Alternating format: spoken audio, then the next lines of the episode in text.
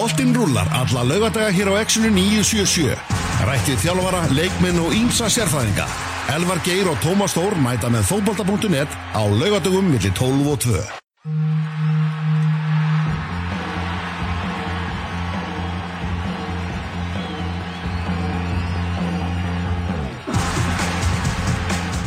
Góðan og gleðilegan daginn, það er út af satturinn fókbóti.net sem er farin í loftið Flagskip X 977 í þráðbytni útsendingu frá Suðurlandsbraut eh, til klukkan 2 í dag. Ég heiti Elvar Geir og hérna með mér er Tómas Þór. Hvernig ertu þá? Ég er bara ljómæntur hlóttur sko Er það ekki? Jú. Það er ég líka.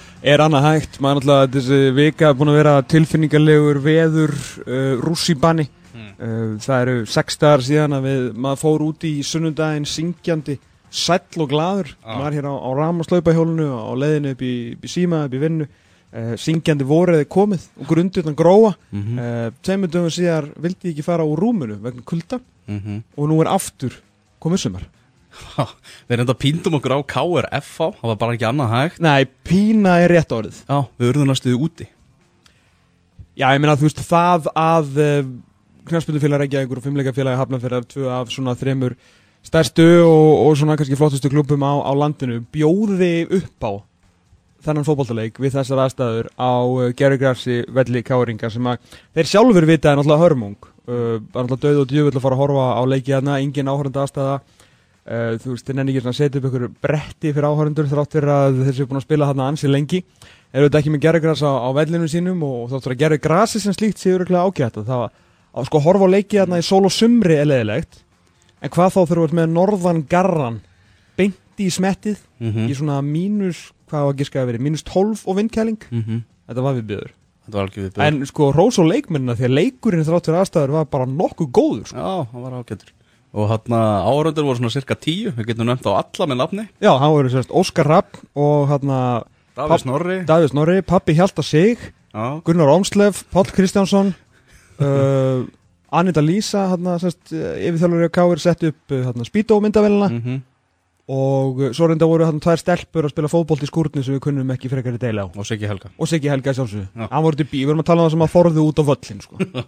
Siggi Helga fór ekki úr bílnum sko. það er ástæðans fyrir Káir er ekki nóg Já, en nú er, nú er reyðilegum lengjubikarsins að, að ljúka já, og áttalega úrslitin sem að eh, við vonumst til að, að verði bara með pompu og prakt um næstu helgi. já, ég ætla að vona að bara félagin takir svolítið alvarlega því að þetta er, þetta er alveg stóri leikir áttaði ykkur á því að liðin sem eru úr leik til dæmis eins og uh, hvað, var að, hvað var að klárast eins og FH til dæmis Mm. það er, FH spilaði núna 11. mars sem síðasta mótsleik, eða ég veit að þeir fá reyndar á einhverjum óskiljanlegum ástæðum fá þeir mestarleikin, þar sem að þeir gengi fram hjá ríkjandi byggamesturinn uh, en hérna, og liðin sem að klára ekki, komast ekki áttalúslitin í dag Mm. eru búin með leikina sína mótið er að fara að byrja eitthvað 20. og eitthvað x apríl 22. 22. apríl, það er 13. mars núna og liði sem er að fara að tapa í dag til dæmis, eh, ef að breyjablík vinnur ekki fylgir með, með tveim mörgum og leiknum fyrir ekki áfram eða bara fylgir sittur eftir eh, og fullt af liðum sem eru í, í Pepsi Max-deildinni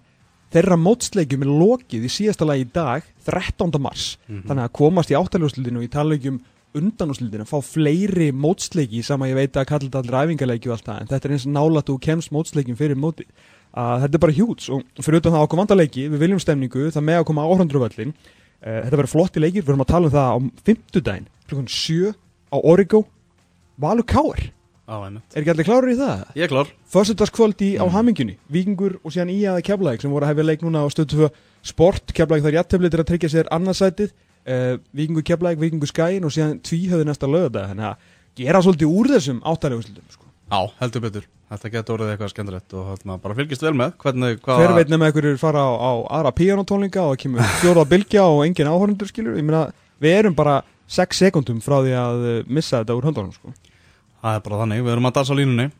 Herðu, í þettum í dag, það er ennska ringborðið sem verður á dagskráni hérna eftir. Kristján Alli ætlar að koma til okkar og, og gera upp, uh, já, þriðja fjórðungin af ennsku úrvarslitinni. hann var hérna fyrir viku að gera barnanfjörðingin Það er spilað ansitt, ég.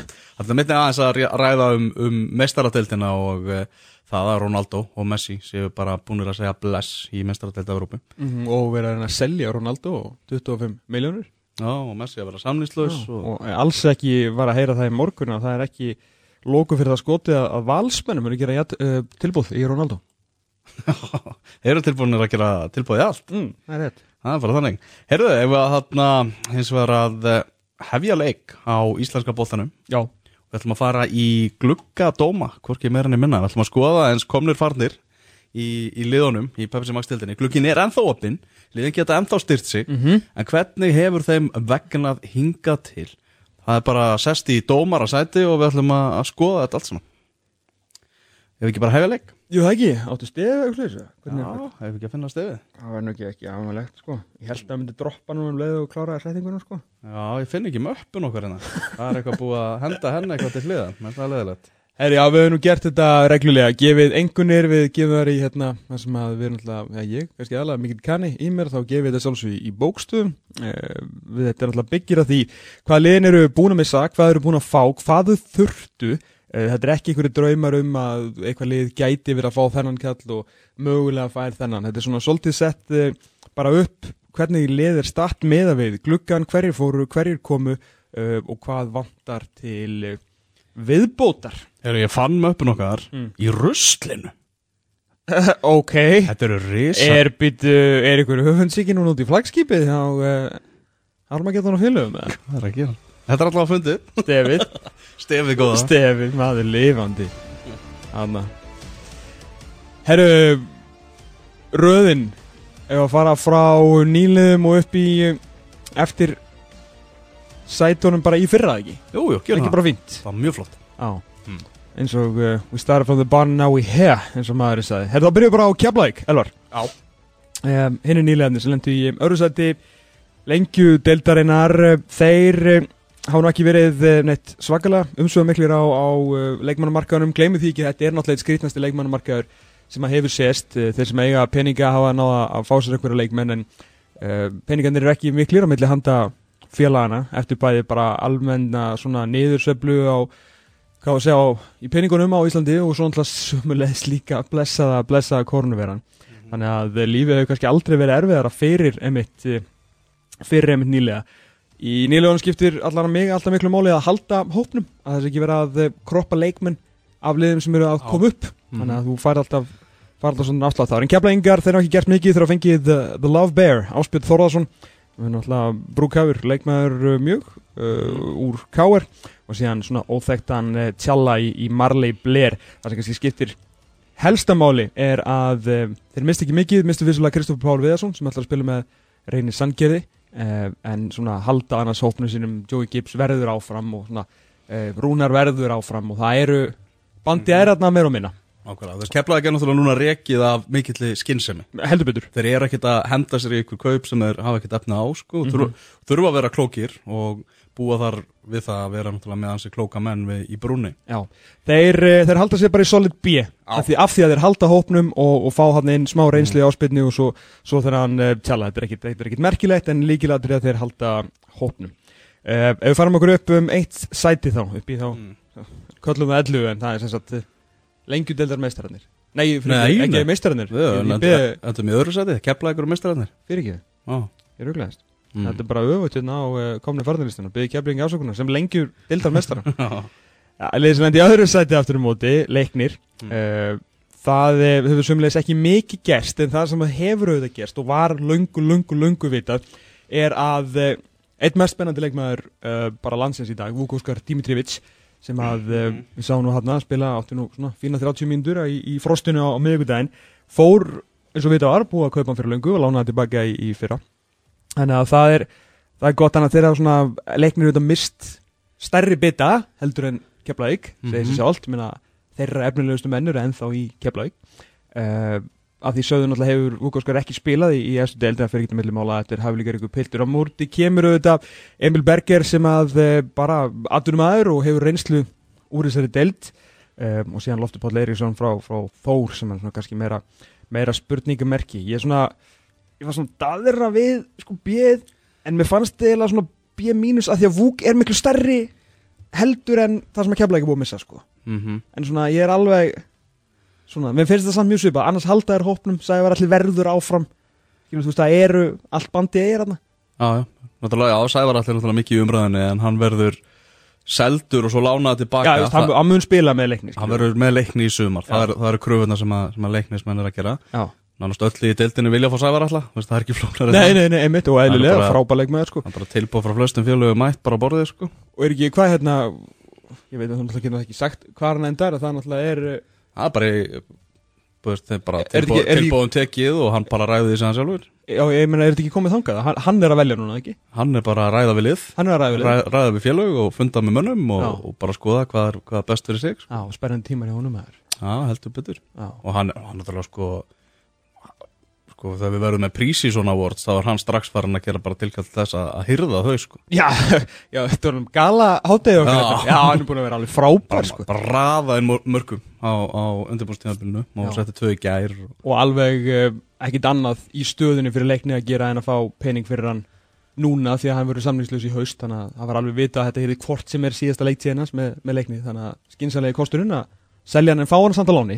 Mm og leiknir ætlar að styrkja sig frá, frá Suður Ameríku Nó, það er hann bara Venezuela maður í loftinu núna. Alveg, já, já. geggjað. Þannig að það verður eitthvað, eitthvað samba og, og, og stuð bara Já, Þið voru nú með Afríku síðast þegar þið voru uppi. Voru með litrika karakter þá. Já, Charlie Foman Charlie Foman, já, Já, já, lita þetta vel, vonandi eru þeir sem koma núna samt að fara að skila meiru inn á vellinum heldur en Charlie Foman gerði. Já, já, já. Svo annars mjög svo skemmtilegi karakter. Já. En já, en það er ekki komið inn við, við, við þessa Þannig að það er ekki hægt að, hægt að dæma Suður Ameríku strax Nei, nei, nei, inn, í, í einhverja nei. Við eh, hendum með leiknismönum bara í, B- fyrir þetta. Uh, Víkingarnir uh, eru næstir, endur í tíundasæti á, á síðustu leiktíð. Þeir eru þetta, þetta er svolítið spes með þá að Því að Ágúst Eðvald og Óttar Magnús þetta fóru á síðustu leiktíð uh, Raun og veru. En þannig að ég, þú veist ef ekki samt taka á inn eins og það var lítið eftir að mótun og svona, ef ekki taka það á inn eins og það eru bara að mista núna. Jú, getur maður það. halda þeim í listana því að þetta er náttúrulega að því að sko, komnu farnirlistin náttúrulega hjá Víkingi litast mjög mikið af því hvort að Ágúst Eðvald og Óta Magnús séu ekki hérna inni. Ef, ef að þeir eru báður hérna pluss Daví Örn Allarsson sem náttúrulega bara einn eh, besti hæri bakur í Ísland deil og svo fer náttúrulega bara eitt af andlitum fyrirtækisins. Mm. Dófri Snorarsson mhm. náttúrulega bara andlegu leiðtói liðsins og uh, sko allt múlíkt mann þannig að þetta eru fjórir hans stóri leikmenn sem eru farnir úr, úr liðinu frá því síðast en Dófri er vissulega fór því hann sá svona sæng sína uppreita með með mínútur spilaðar Mhm. Uh, mótur er komnir uh, út af Pablo Puniet sem er stórt, sem er stórt og stert hann kemur inn með reynslu og þetta var þetta besti káver að þannig framan af á síðustu leittíð uh, Karl Freylaur uh, svona til þess að leysa af Davíð Örn hefur potensial og þakki það að ná Davíð okkur sín tíð, þannig þú veist, eftir einhverja árin kannski ekki á þessar leittíð Mhm. Axel Freyr Harðarsson sem að ég held að muni koma mörgum á, á óvart að menn fengur svo sannlega ekki að sjá uh, hvað hann getur í, í svona gróttuliðinu eins og það spilaði fótbolta á síðustu leittíð og þá er það svona upptalið, þeir eru náttúrulega vingandi missa mennina sem skora hérna 80-90% af þessum fáu mörkum sem að liði skora á, á síðustu leiktíð uh, þeir fá Pablo sem var besti leikmaður K.R. og Axel sem er náttúrulega ótrúlega uh, fljótur og Karl Freyleif sem að svona mjög, til að fara í bakverðastöðuna í þessu, í þessu sko projekti sko, þetta er svona svona svipa og fylgir sko, við komum að fylgismennum aðeins á eftir að þeir eru líka mist svolítið góða menn. En mér finnst svona það sem að uh, vikingarnir hafa fengið aðeins á móti svona, þú veist, aðeins, aðeins meira, það er aðeins meira magn og aðeins kannski svona meira meira spennandi, þannig að ég ætla að uh, setja vægarna í B- eða C+. Hvað finnst þér? Þetta er rosalegur missir, sko. Já, þetta er það sko Þetta er algjörlega hérna C+. C+. plus C+. Já, já, já. sammála, En, sammála. en þú veist, hvað er að frétta úr vikinni? Hvað er að fara að segja? Það menn er alveg sultu slækir þetta. Já, Ég þarf alltaf að gengur, þú veist, þú náttúrulega Kristall Mánu er farin að spila sérst, framalega á vellinum og skora í hverjum leik. Mhm. Einar Guðnason er farin að skora. Einar Guðnarsson er farin að skora líka. Því líki fýbla gangurinn uh, Reyndar huggulegt mark hjá þessum 36 ára gamla manni sem er núna skrokka á svona 48 ára gamla mann. Uh, Fattigt mark hjá hann mikið erinn Þetta er algjör, algjör fýbla gangur og, og ofering við þósarna uh, Var að, já, aðstofa þjálfarinn að setja hann á Já. móti Þór. Já, að hérna en þú veist, alveg leikmenn, skilur, Kristall Máni er að koma þarna nýr inn sem þá framherji og búin að spila virkilega vel og Helgi Guðjónsson búin að vera, vera öflugur en ég held að það sé ekkit, ekkit laununga mál er að, að menn er að eins og allir í heiminum að leita einhverju framherja, já, einhverju sem að getur skorað því að náttúrulega Helgi hefur enda að skora eitthvað viti í efstu deild áttan að sé búin að vera núna logandi í, uh, á undirbúinustímbilinu sko. Mhm. þannig að það, það svona kemur ljós. Það vantar kannski aðeins meira en þeir, þeir eru búin að vera reykjala skemmtilegir og prísisón sko. bara Mhm. og góðir sko.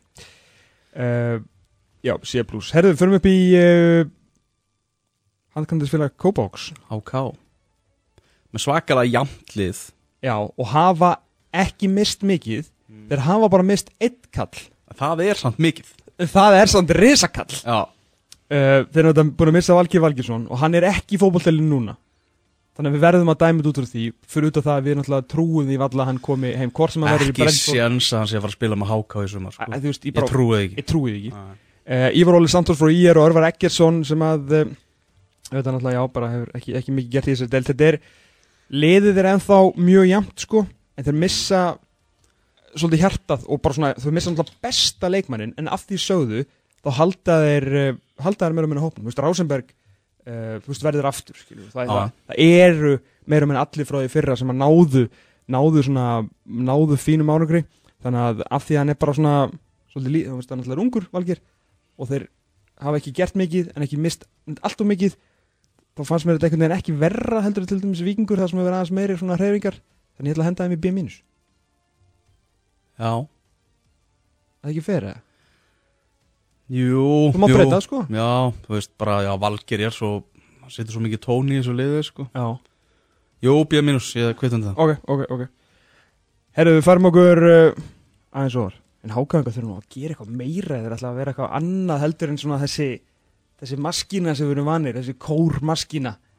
Fattur, maður svona maður horfir og maður man eftir leikjónu þeirri fyrra Mhm.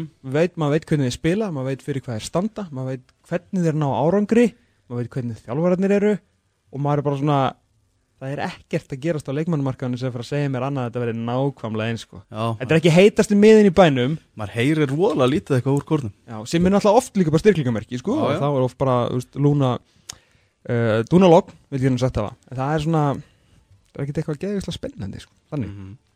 en mikilvægt fyrir HK með alla þessa árganga sína að vera með þessa ungu þetta unga fólk að hérna, horfa upp á, á fólki í efstu deild, það er, er ómetanlegt. Mhm. Herðum, Íþróttabandala Akranes selvar já, er falla. Þeir fá falling fallingur. það er F, já. Búin að missa tvo bestu mennina sína. Bjarki Steinn var líka, var farin líka. Lars Markus sömulegis ekki lengur. Það sem er komið er meistri bakverður sem var í bedeldin á síðustu reytið Mhm. uh, einhver óþægtur uh, englendingur og strákur frá IR já meira er það ekki Mhm. en ég bara því miður að eins og glukkin er akkur núna ég veit að þú veist Guðmi Tyrfings kom á miðum móti og allt það sko en við erum að tala um bara glukkan núna og Já. Stefán Teitur og Tryggvi Rafn þetta hefur bara enga megin verið uh, lagað sko Já. Og þetta er ekki, Ís- sko- Ísak Snær svona kemur og, eða þú veist, fer og kemur já, já. er, er hann með, þú veist, Eh, inn í Ísafjöfnu? Nei, Nei. Eiginlega ekki sko. Að því hann er eiginlega leikmaður í það sko þar til við vitum eitthvað annað. Svo- sko við erum að ekki glemma því F-i því er ekki að skæin fellur. Þetta er ekki fallengun á félagið eða liðið eða spilamennskuna eða úrslitin. Við erum að tala um að það er- ekkert annað. Akkurat. Og lið sem geti átt vondan leikmannaglukka geta samt alveg náð árangrið því að eins og ég segi, þeir fengu gummatyrfins í fyrir og þeir eru með unga stráka með Brynjar Snæði sem hefur verið annað undirbúinistýmbili röð og skora mörg og þeir eru með góðan þjálfara og þeir eru með, þú veist, trösta mænu svona almennt, sko, þannig að þeir geta alveg árangrið en, en glukkin verður enga með leist Stefán Teit og, og Tryggvara ekki einu svona kló, sko Mhm. þannig að þetta er uh, eins vel og uh, já, eðlilega, þú eru búin að taka fjárhæðin svona í lag, gegn, komunum í lag eins og uh, Geir Þorsteinsson er búin að gera þá þarf að spara eitthvað krónur og höra og það hefur verið, að- það hefur verið eitthvað að spara á skaga núna Mhm. þannig að þetta er hvað mótið svo F-inu Nei, þetta er bara ekki? Og bara, veist, það sem ég hef séð af skagamönnum á, á undirbúinstíðabilinu Mm. hefur ekki heilla mig, sko Nei, jú, náttúrulega líta svolítið að því að, að tveir af þessum frábæru leikmennum eru, tveir frábæru leikmenn eru, eru farnir en þess að segja, þeir geta ennþá komist í áttalústil lengjunar og myndu þar fá leik gegn vikingi sem þeir geta alveg, alveg klárað þannig að þetta er ekkit, sem ég segi, þetta er ekkit eitthvað F á, á liðið en glukkin hefur ekki, ekki verið heillandi. Herru knæspundu eh, Akureyrar, farum okkur eh, aðeins ofar, í hefði viðfræða Já. sjöundasæti sem að þeir Já. hafa eignast sér. Og við förum úr F í A hvorki meira enn minna.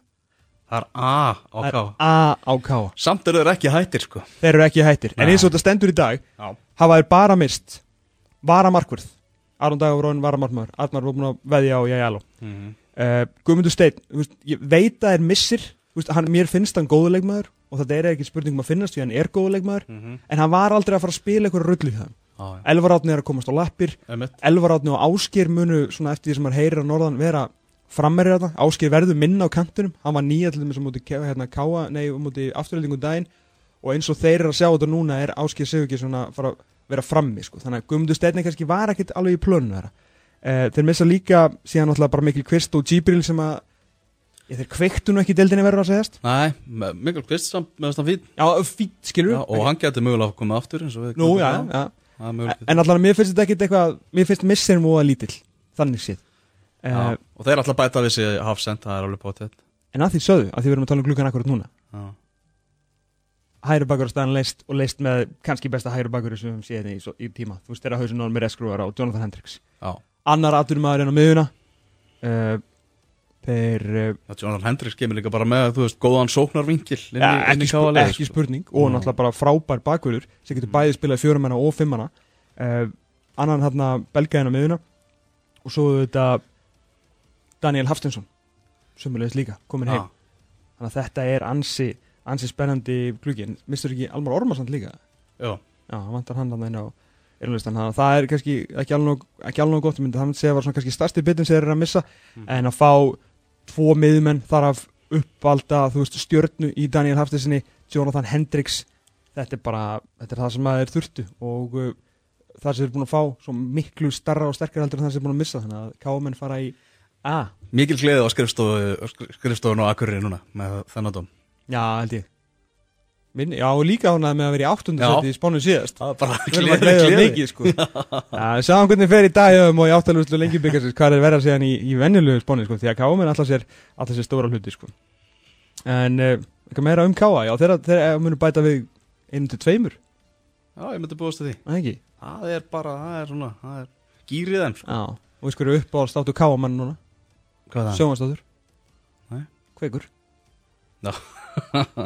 með hverri nýrri skýslunni af uh, fiskmiðunum ha, Já, að þá þurfa menn að kaupa sér velvild og vini og það er að gera það með alls konar, alls konar leiðum sko, og bara njótiði á meðan er kámen sko. þetta er algjörlega geggjað. Mhm. Herru, árbæðingar, Fylgir. Fylgismenn. Mm. að líst ekki alveg vel að það uh, Farnir besti leikmaður er aðeins sem að fór samt á, á síðustu leitíðin við, við tókum myndin í vikingana og tökum við þetta líka hér. Valdimar Þór Ingemyndarsson ekki með. Mm. uh, og einn af, uh, hér sem Úlf Blandón sagði þetta fyrir viku einn af fimm bestu leikmann deildarinnar þegar hann var að spila. Hann var valin í lið ásins, skilur hann var í- lið ásins í, í fyrra, já, sko. hann er þar já, Já, þrá- þrátt fyrir að hafa ekki klárað Já, tímabilið. fólk verður átt að segja því hversu, Já. hversu stóran var. Uh, Sam Hjússon kannski svolítið svona meðslum hrjáður en gríðarlega Já. reynsla og, Hann gerði ekkert fyrir það í fyrra. Nei, en flóttu leikmaður svona þegar hann er á, er á fótum. Ólaður Ingi Skúlason, spilandi aðstóðar þjálfari og bara íkon, stóð og stitta bara í þessum klubb Já, hann það fyrir leikmaður og bara karakter úr félaginu, sko. Bara, já, bara algjört íkon. Uh, þetta er svona þetta svona sem er stærsta, Andrés Mánan ekki gert neitt fyrir það í, í langan tíma. Uh, Arnar Derri alltaf var að markmaður og Arnar Sveit svo sem bara svona gæðum Mhm. gæðum smá breytt en Óli Skúla, Sam Hjússon og Valdimar Þór Ingimundarsson ok, þeir leysa annarkort hvernig sem við líta þú Óli Skúla er kannski meiri svona defensive midfielder og fá inn náttúrulega hinn hrikala spennandi Unnar Ingarsson frá fram Mhm. það er, þú veist, það er leikmaður to watch í þessar deild í ár. Algjörlega, við Uh, höfum höfum mikið talað um hann í þessum þætti Já, hann, er- hann, mánuðina. hann er bara einhvern veginn, þú veist hann er, hann er mikinn ramma en samt úr sérðal á honum, hann getur ennþá bætt á sig nokkrum kílóum að vöðvam í viðbót á þess að missa mikið hraða. Uh, veist, hann, hann, hann kofra mikk svona uh, marga hjarta á, á skömmun tíma. hann, þú veist, góðu tæklari þetta er hérna hann flottu sendingamæður eins og nánast allir ungi leikmenn í dag sem allir drendum að vera tíur en einhvern veginn endaði hann sem varnarsinni miðumæður þú eins og, eins og Karl Fæðisinn sko. En hann, hann, hann er reyngalega góður. Af því söður náttúrulega algjör óreindur í efstu deil skilur veist, þannig að þetta er svona fattur maður má ekki setja þú ofmikla Mhm. pressa á hann en við höfum svolítið mikla trú á hann eh, fyrir út af það síðan bæta hann við 12 tímatöðu sem að maður svona svolítið löngu búin að gefast upp á sko bara Ah. því miður var undir 21 árs, hérna landslismæður og, og svakalega spennandi þegar hann var í þessu tryggja manna kerfi á sín tíma með, með Hansa og um, hvað hétt hann hérna? Ísa Gatli og náttúrulega Begga líka hjá fjölunni og svona. Þú veist, vorum komaðan upp með einhverja fjóra miðveri í einu fjölunismenni, það var svona aðeins rjáttlast af eh, svona stjórnuljómin af, af þeim öllum saman sko. Þannig að uh, miðveið að missa Valdimar og Óla Skúla og pluss Sam Hjússon það sem að gerði við að fá óreindan en spennandi unnasteginu síðan Torfa sem verður bara á bekknum hann því að þeir veit alveg hvað meðverða para sitt er þá sett ég bara fylki í, í uh, sé mínus. Setja undir í vækarana Mm, Já, ég meina þú veist misserinn er svona svipaður og þeir fá eini starteri sem þeir fá er unnasteit mm og meina vikingarnir fá veist, þá allavega hérna þú veist, Axel Karfreyri og Pablo Punjet sko veist, Pablo Mhm. Punjet er betri leikmaður heldur en unnasteit sko saman hversu spenntir við erum fyrir honum og skilum mig, bara í akkurat í dag Mhm. við, við vitum Mhm. um, um Pablo Punjet Já, þetta er, þetta er einhvern í dag, gæti breyst síðan, það er ennþá, eins og við segjum, glukkin er opinn og já, já, þetta er bara eins og sta- staðan akkurat núna Já, Dr. Fútból að segja frá því þarna í vikunni að þeir var að semja við enskan framherja, Jordan Brown, hann er rándýrt nafn. já, algjörlega Mm. ég veit ekki alveg jú, jú þau þurfa nú alveg annan mann þarna frammi með, með Arnóri Borg sko. hann, er ekki að, er ekki að spila marga marga leiki sko. en hann er ótrúlega góður Mm -hmm. ég er bara einn af svona leikmönnum sem ég vona rosa mikið að, að spili svona 20 leiki og skori ykkur, þú veist, 13 mörki eða eitthvað, þú veist, að því hann er ekki bara mörkin í honum, þú veist, hann er hann heldur varnamennu svo svakalega uppteknum hann er svo fljótur, hann les leikin svo vel og góður að hlaupin fyrir línur og það er svo margt í honum, sko, svona svo nöyt sterkur þráttur að virka eins og einhver allir geta að dansa gæði, sko hann er svo, hann er svo fagur Mhm. en þú veist, þetta er algjör, þetta er algjör bóli, sko Já, Þannig að ég er svona margt lofandi við hann í, í fyrra og vonandi bara tekur hann skrefið upp. Já, já, ég er virkilega vonað En, en glugginn eins og staðin er akkurat núna ekkert allt of, allt of spennandi hjá hjá, uh, hjá fylgismennum Nei, akkurat. Svona allavega í, í magni þó að við sem miklir, miklir unnars aðdáðandur Mm -hmm. Herðu þínu menn, knarspindu fyrir Reykjavíkur Nei, ekki náttúrulega leiknir uppi já, Þú ert að halda með þeim þá núna Já, þetta er gert. Neiðusti þess. Neðistu þess, Mm. eins og gert frá blöðu barspinni Herru KR, þar eru farnir auðvitað Finnur Orri sem að uh, var nú svona fóreila frá KR þannig að hann var loksins að komast í svona, voru farnir að meta hann Já, nokkvælega. og svona loksast þeirri föttuðu hvað hann gerir fyrir þetta lið að, að þá svona, á, takk fyrir mig og bæ en hann var að flottur Finnur Tómas Pálmarsson sem er náttúrulega nýju uppáhaldsleikmaður minn þar sem hann náttúrulega bara kallaður Tom Já, ég las það á þetta já. er uh, Tom er, er farin frá, frá Káir uh, þetta var bara einn ein besti meðurinn í þessari deild Gunnar Þú Gunnarsson. Hættur uh, efnilegasti leikmaður félagsins mögulega. Ég var Bjarnar Lilli, ég er farin til uh, Nörsipin strákur sem átti, hefði spilað í sumar. Já, og þeir eru ekki að hjálpa meðalaldurinnum að hafa farið þarna, bæði Tom og, og Jói Bjarnar ha, nokkvælega. Hvað voru með 31,5 ára hann á móti FH það Já, einmitt. það var Og Gauði Baldinn og... í baldin. Ja. eru Pablo Húnið sumleiðis farinn? Hann má ekki gera lítið úr því, besti leikmaðurinn hjá Káar allavega í fyrirhluta mótsins. Á Já. móti hafa þær fengið, eins og segir, Guðjón Baldursson sem að er nú reynda búin að vera frískur og flottur á prísinsson Mm ég er að vona að þetta sé eitthvað svona Maður í verkefni. maður í verkefni og hvað kallaði hann hérna? Ah, Kristján Alli notaði orðum hann hérna Indian Summer eða eitthvað um Ilka Gundogan. Já, svona þú veist tekur eitt svona geggjað árunar hverfur hvort sem það sé réttið ekki en það er allan að það er eitthvað mjög jákvætt við Guðjón Baldursson þessa dagana. Og við Mhm. stóðum nú þarna á, á hliðalínunni ekki voru við nú upp í stúku á káröldunum á miðgudaginn að bara sjá hvað hann var var hann þá með hraðan og var hann þá með passunni hann var að tækla og var að koma sér í færi og svona. Þannig að maður veit samt ekki við veit samt ekki. Við hverju má búast Nei, honum í sumar ég veit að ég veit að Já. og síðan Greta Snær Gunnarsson sem er mögulega með, með fullri veringu fyrir þeim ágæta strák sem ég reynda reyfst af þegar hann fekk að spila á miðinni hjá fjölni í fyrra. Eitthvað svona, eitthvað minnst káirlegasta sæning sem ég hef séð í háa herrastíð.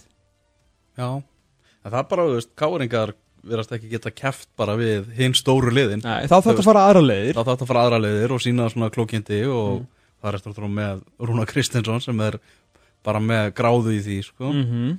og Greta Snærbjörn var að spila í, í Hafsend en við heyrðum það nú hérna vestur í bæ að, að káringar ætli að bæta við sig miðverði og það muni mögulega koma Erlendur varnamaður fyrir mót já þeir eru að skoða skandinavi markaðin káringar og þeir ekki að koma neinum óvart uh, þeir til að koma öllum óvart þeir myndu ekki sæna eitthvað skandinaviskan miðverði núna áður en að á hérna prísið svona eru lokið á hérna við förum inn í mótið sko. En uh, Tom, Finnur Orri Gunni Gunn, Jói Bjarnar Pablo Puniet, Áspjöð Þórðar.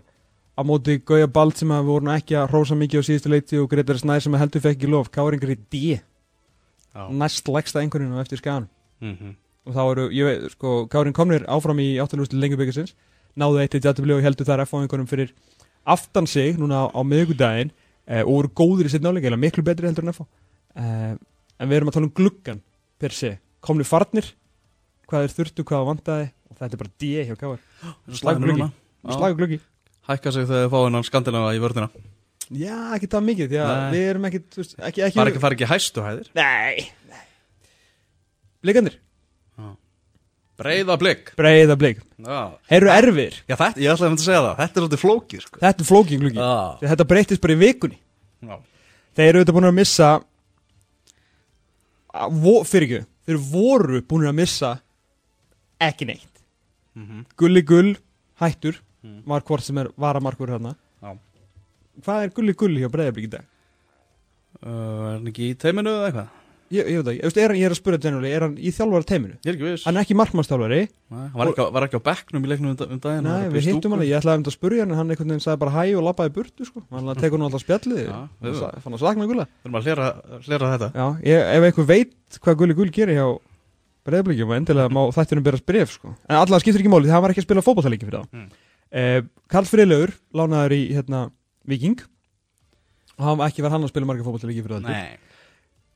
þannig að það var ekki, þú veist, á, skilu, á þessum tímúti voru þeir í solid, þú veist, A léttilega, því þeir voru búin að fá Davjörn Allarsson í stöðuna sem þá vantaði mm -hmm. uh, einn af bestu hæri bakverðum í þessari deild uh, búin að fá Finn Orra heim til þess að fá meira cover hérna djúft inn á, á miðuna Mhm.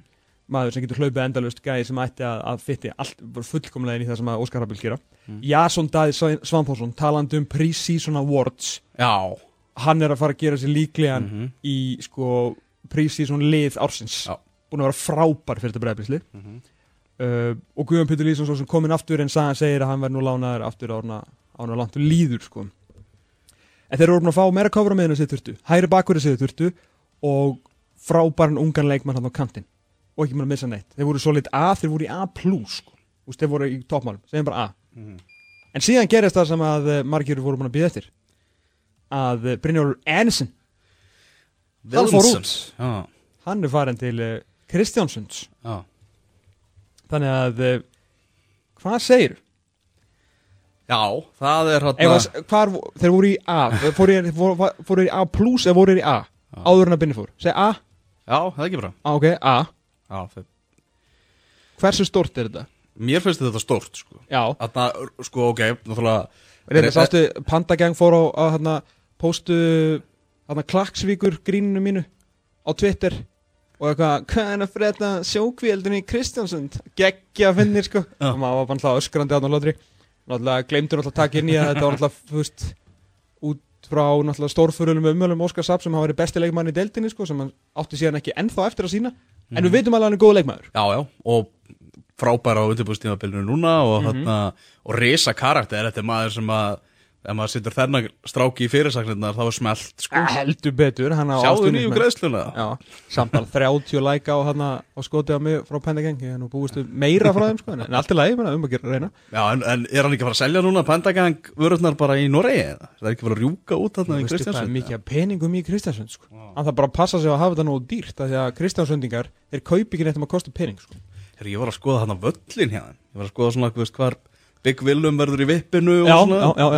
var að þeir bara tók eitthvað, þú veist, Chester völlin Teiklingar af, þeim völli Og bara copy-paste Þetta er mest random sem ég hef heyrt Af hverju Chester? Það var bara svona, þetta er bara völlur sem hendar okkur að það er bara copy-paste og það er eitthvað, þú veist Fish and chips, básaðna og Og eru þið líka í fish and chips? eða?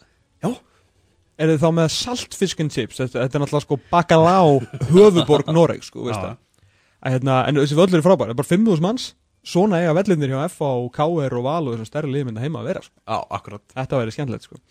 Herri, já, þú hérna Við erum svolítið ósamála um, um Þú sagði við mig á tveggja manna tali að þér finnst þetta skilja á milli fex og ófex í því að Mér, já, með, með Íslandsmeistaratitil. Já, mér finnst þeir ólíklegri í Íslandsmeistartitil eftir að hafa mist Brynjón Já, þa það segir sér sjálft að því að Já, náttúrulega já. þeir missa náttúrulega góðan leikmann, skilur Já, já, þú veist það var það sem ég var að tala um. Ok, ok Þannig að hversu, ef við byrjuðum A, fara þeir í B út af þessu eða bara niður í B+.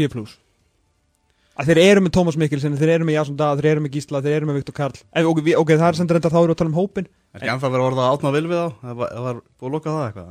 En ég ætla, hæ? Já, B plus. Kaupa það, ég var búinn að skrifa mér þess að niður en það var eiginlega rétt svar þeir Já, ég, held að, B plus. B+, já, ef að þeir fá cover fyrir hann. Já, við erum búin að gera þetta bara na, faglega og, og, og vel sko. bara það sem það vantar, Já, flottu gluggi sko. Mjög Mhm. professional gluggi sko. Mjög professional. Keftu Davíð Örd sem var mjög professional. Já, bú, búinir að tryggja sér Jason í fyrra og eru í kaplöpunum um Sævar Alla er ég með, með því kaplubi mm. Hvað er þetta hann endi? Vonar Vægs. Uh, já. Uh, ég vona væk segla af sko, tveimur ástæðum. Já. B að því að mér finnst hann frábær leikmaður mm. enn betri karakter. Mm. uh, já, mér finnst hann bara ógeðslega góð Það leikmaður góður. Og ógeðslega flottu karakter. Mér fekk bandið, hvað, 11 ára gammal eða eitthvað í þessu leiknisli, menn hann er bara frábær góðu fólki og bara, veist, ég hitt- hitti fóröldarna satt nokkur lokahófi bara, og hann bara, ok, ég skil bara hvaðan þú kemur og hvað þú ert. Mm Mhm. þetta er bara good guy, sko. Mm. en hann væri bara ekstra fyndið ef hann færi Vægs af því að hérna þá held ég að heimurinn muni trompast út af uh, tengslum umbásmannsins og þjálfara sko. Og við höfum svo gaman að þessu væli sko. Bjarki en ef það er eitthvað sem er ekki að fara að gerast þá er það af því að Sævar Allir Magnússon er meira en fær í að velja sér fótbollalið sjálfur sko. Að, og út af því þá ef ég ætti að setja, ef ég ætla að setja mig fyrir vegg þá ætla ég ekki sko breyðblik Svo líka, þú veist, hann er bara þannig típa að, þú veist, þrátt fyrir að þetta sé allt í gangi og veit maður að það bara einhvern veginn hausun er bara 100% stress skrúðar á. Skóla hann ekki gæri það? Skoraði tvö mörk í Já, gær skólaði og- mitt. Gekkjaður, já, algjörlega gekkjaður Ég, hérna, ég bara ég, ég held að ég myndi giska myndi velja bara bara, Ég held að sé líka bara opnari gluggi þar fyrr. Já. því sögðu náttúrulega er náttúrulega opnasti glugginn í Væks upp á og ég meina bara upp á myndi geta náttúrulega að spila ára morgun sko, Mhm. en geta enda að spila fyrir henni líka morgun. Mm. Það verður spennandi að sjá hvert hann fer. Herru, hérna, B plus á bleika B plus að blika af því að Andersen fór og óskuðu honum mikils velfarnar í Kristjánsund á Tjesturvellinum Já, Herru, stjarnan, þrjúlið eftir það ekki? Jú, Stjarnan. Hann lítur ekki vel út. Alstór Hauksson, bestleikmaður liðsins farin Gauði Bald, allæg, þú veist og kannski komið tíma á það uh, Guðjón Pétur farin úr láni, Jó Lagstall hættur og reyndar ekki að spila mikið og, og, og Jobbi líka hættur. Sem að svona var líka svolítið að, hans dagar voru leiðinu undir loka og fengi eina karlinu miðuna sem er ekki nóg til að leysa af Alex Stór Hauksson en hann er góð leikmaður samt. Og uh, Ólaf Finnsen sem maður er svona maður veit alltaf hvað getur skilur mm. en maður er samt einhvern veginn að ég veit ekki, maður er að býða eftir einhverju meiri stöðuleika fleiri leikjum, gera eitthvað meira þú veist, fer hann bara upp á topp hjá þeim. Já, það er góð spurning. Þú veist, náttúrulega ótrúlega hefðleikar ykkur. Gengur illa að halda sér löpum svolítið meittur sko. Mm -hmm. en þeir eru að missa samt sem hvað, fjóra til fimm startera. Fá, Missa fyrirlegan sen missa fyrirlegan, engin einar karl uh, og Finnsen svona, maður veit ekki alveg með hann. Þannig að ég ég var svolítið að dæma hann að klukka slæman þeim, sko, ég var með þá í C+, mér fannst það kannski aðeins svo lítið af því að, af því að mér finnst líka alltaf lægi að reynsa hann út, sko. Þannig ég var að pæla að hækka upp í B- já getur kvitað undir það. En kannski vera eitthvað reyður að því að þú veist, þeir eru svo margir Alex Þór og Einar Karl Óli Finnsson og Gauði Bald. Mm. henni kannski skipti ekki alveg miklu máli í Jobba og Jóa Lagstall sko. Þannig að, veist, er ekki B- bara fer? Ég getur meðlega sagt sko Þórainn Ingaðinn sem, sem komnir Við fengum Já. bref um það. Þetta er bara bref Eru þetta líka bara spyrja ah. Gulli Gull uh, er ekki í mestarlóðstæminu en hann þjálfar annan og sjötaflokk Já, ok. Þannig að hann er bara félagsmaður í dag. Já, hann er bara þjálfari yngreflokka bref. Þjálfar yngur flekka Já. og væntalega hægt að svona hói hann til að nýta hans reynslu þegar þess að við. Já. Herru, við, já, stjarnan í, í B-minus. Fimmleika félagi hafnaði fyrir þar Erfiðu gluggi á þeim líka, finnst mér sko. Því að þeir, náttúrulega allir guðinar hættur en hann var lítið búin að gera. Mm. Pepsi guðinar sjálfur, þetta er svo besti sem við höfum séð á meðan við höfum fylgst með þessari deild. Baldur Seg var ekki mér að gera mikið fyrir á. Daniel Hastins var lofandi og nokkuð góður. Uh, Lóði Tómas svona, svona ger ekki neitt og Ólaug Karl Finnsen síðan farin uh, Matti Villa bara hann einn er hjúts hann er hjúts bara sjá hann inn á vellinu holningin á gæðanum sko. Nei, menn að þú veist, þetta er bara eins og hlaup á steipubíl ef þú lendir í einhverju hérna náviði við hann ah. þeir bara, þeir kastast á honum eins og flugur sko. Mhm. fílið stykki þessi gæði maður og eitt svo heilstiftast sem hefur nokkuð tíma komið sér tæri við e, bara í íslensku fótbolta uh, Vukosko Dimitrievits og Oliver Heðarsson tveir af efnilegri leikmjönu landsins en óreindir í deildinni uh, Já. en hæfileikar ríkir uh, mismöðandi, Oliver mun til að spila miklu minna held ég, mun spila miklu meira. Uh, og síðan Teitur Magnússon sem að sumulega er ungur og, og flottur en þú veist, kannski ekki bara gera neitt mikið þannig síðan þessu ári. Mhm. uh, mér finnst þetta svolítið erfitt sko, því að þú veist, Pepsi Guðna og Baldur Sigurinn upp en þeir gerði ekki mikið fyrir á síðustu leiti Nei, uh, Óli Kalli kom að það með tímbili gerði ekki það mikið en Daniel Hafstein sem var flottur sko.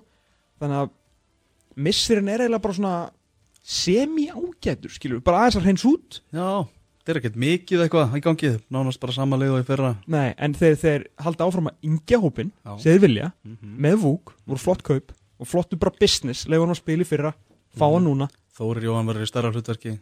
Já, þeir eru að yngja lið saman, þeir voru komin í ykkur 26 ár hann núna í, á miðgudaginn sko. Uh, og Matti Villa er svo, svo reisastór að ég var með á svona Þetta er alveg geggjaður hópur sko. Já, við erum er ekki að dæma hópinn, við erum ekki svakalegur hópinn, Ég veit það, við erum ekki að dæma hópin, við erum að dæma klukkan Já.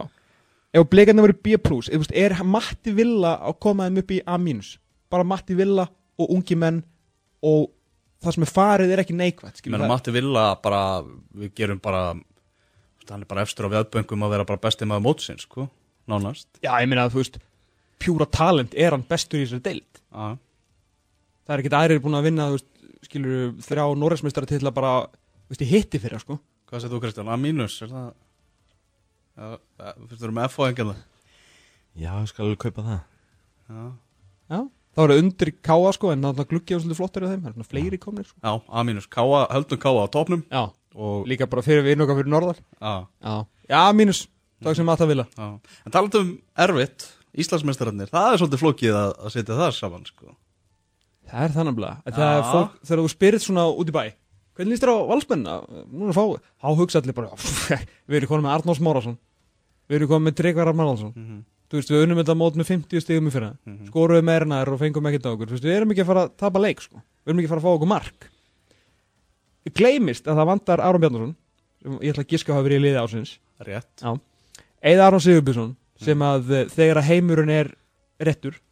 og bara sólið snýst í kringu jörðina og allir vinnir, þá er hann besti miðurinn í þessu deild. mm. Einar Karl Ingarsson sem er mjög, hvað, segja, veist, fyrstur inn að bekka þarna. Lasse Petri sem að við reyndar að segja fólki frá upphafi að væri frábæð leikmaður, hann bara Mm. kom inn í svolítið svona ófunksjonal valslið, Annar í liði ásins annar í liði ásins og þriðji í liði ásins, Mm. Valgir Lundal. Uh, Eiður Aron hefur ekki verið leistur á holmi, þráttur að við, þú veist, Rasmus er góður, Orri er góður og Sepa er góður, skilur mm -hmm. en það er engin Eiður þarna. Uh, það er engin Lasse kominn. Og munum mögulega að koma.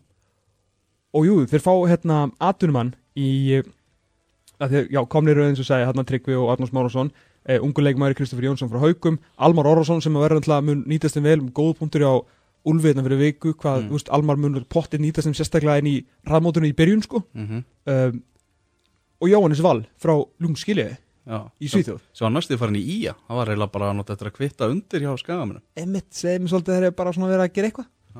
Uh, Heimi Guðjónsson Mm. stórvinur okkar Já.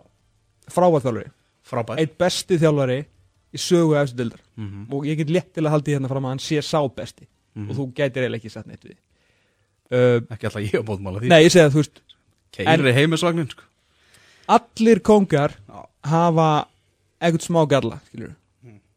hans helsti galli er að hann getur ekki keift erlenda leikmann til að berga lífi sinu Já. hann missir Valgjör Lundal sem var einn af besti leikmannum mótsins og inn kemur Jóhannes Val sem að var ekki varamaður fyrir Gumma Tóta í ykkur liði svíþóð skilur mm. Gummi Tóta er náttúrulega flottur leikmaður þannig að ég er svona, ne, skilur, mér finnst það ekki að vera leist Eður Aron ekki að vera leistur og Lasse Petri eru ekki að vera leistur en þeir munu vantarlega skora alveg með, þú veist, reynda sagði Arnór Smárásson okkur það að hann getur reynda alveg spilað í sexunni þess vegna sko. Já, hann er bara til í hvað sem er en eins ótrúlega impressiv og þetta valslið svona hefur litið út upp á síkastlið reynda voru er ekki góður á mútið háka á um daginn ég gera það 2-2 jættibli uh, og við treystum nú á Maggi Ból síðan og fara að kenna þeim fótbolta á eftir klúan 2 á hérna Origo þá er glukkin sem per se ekkit sérstaklega svona ég ætla ekki átt að blindast af Tryggva og Arnur Smára sinni af því ég veit hvað allir hinnir geta sko. Akkurat. Þess vegna hef ég ekki hugmynd um hvað ég að setja er á í. bara, bara risa breytingar sko. Risa breytingar. Og ekki komnir að þá með þennan háklassa miðumann sem ég er búin að tala um einhverjum einast og það Býða eftir að komi. Þá verður hann fyrsta sem hann mun gera að fara hann síntal hérna og verður Mm. bókaður í þáttinn. Já. Þannig að lausa srótkunni hvaða einhvern ætlar að gefa þeim?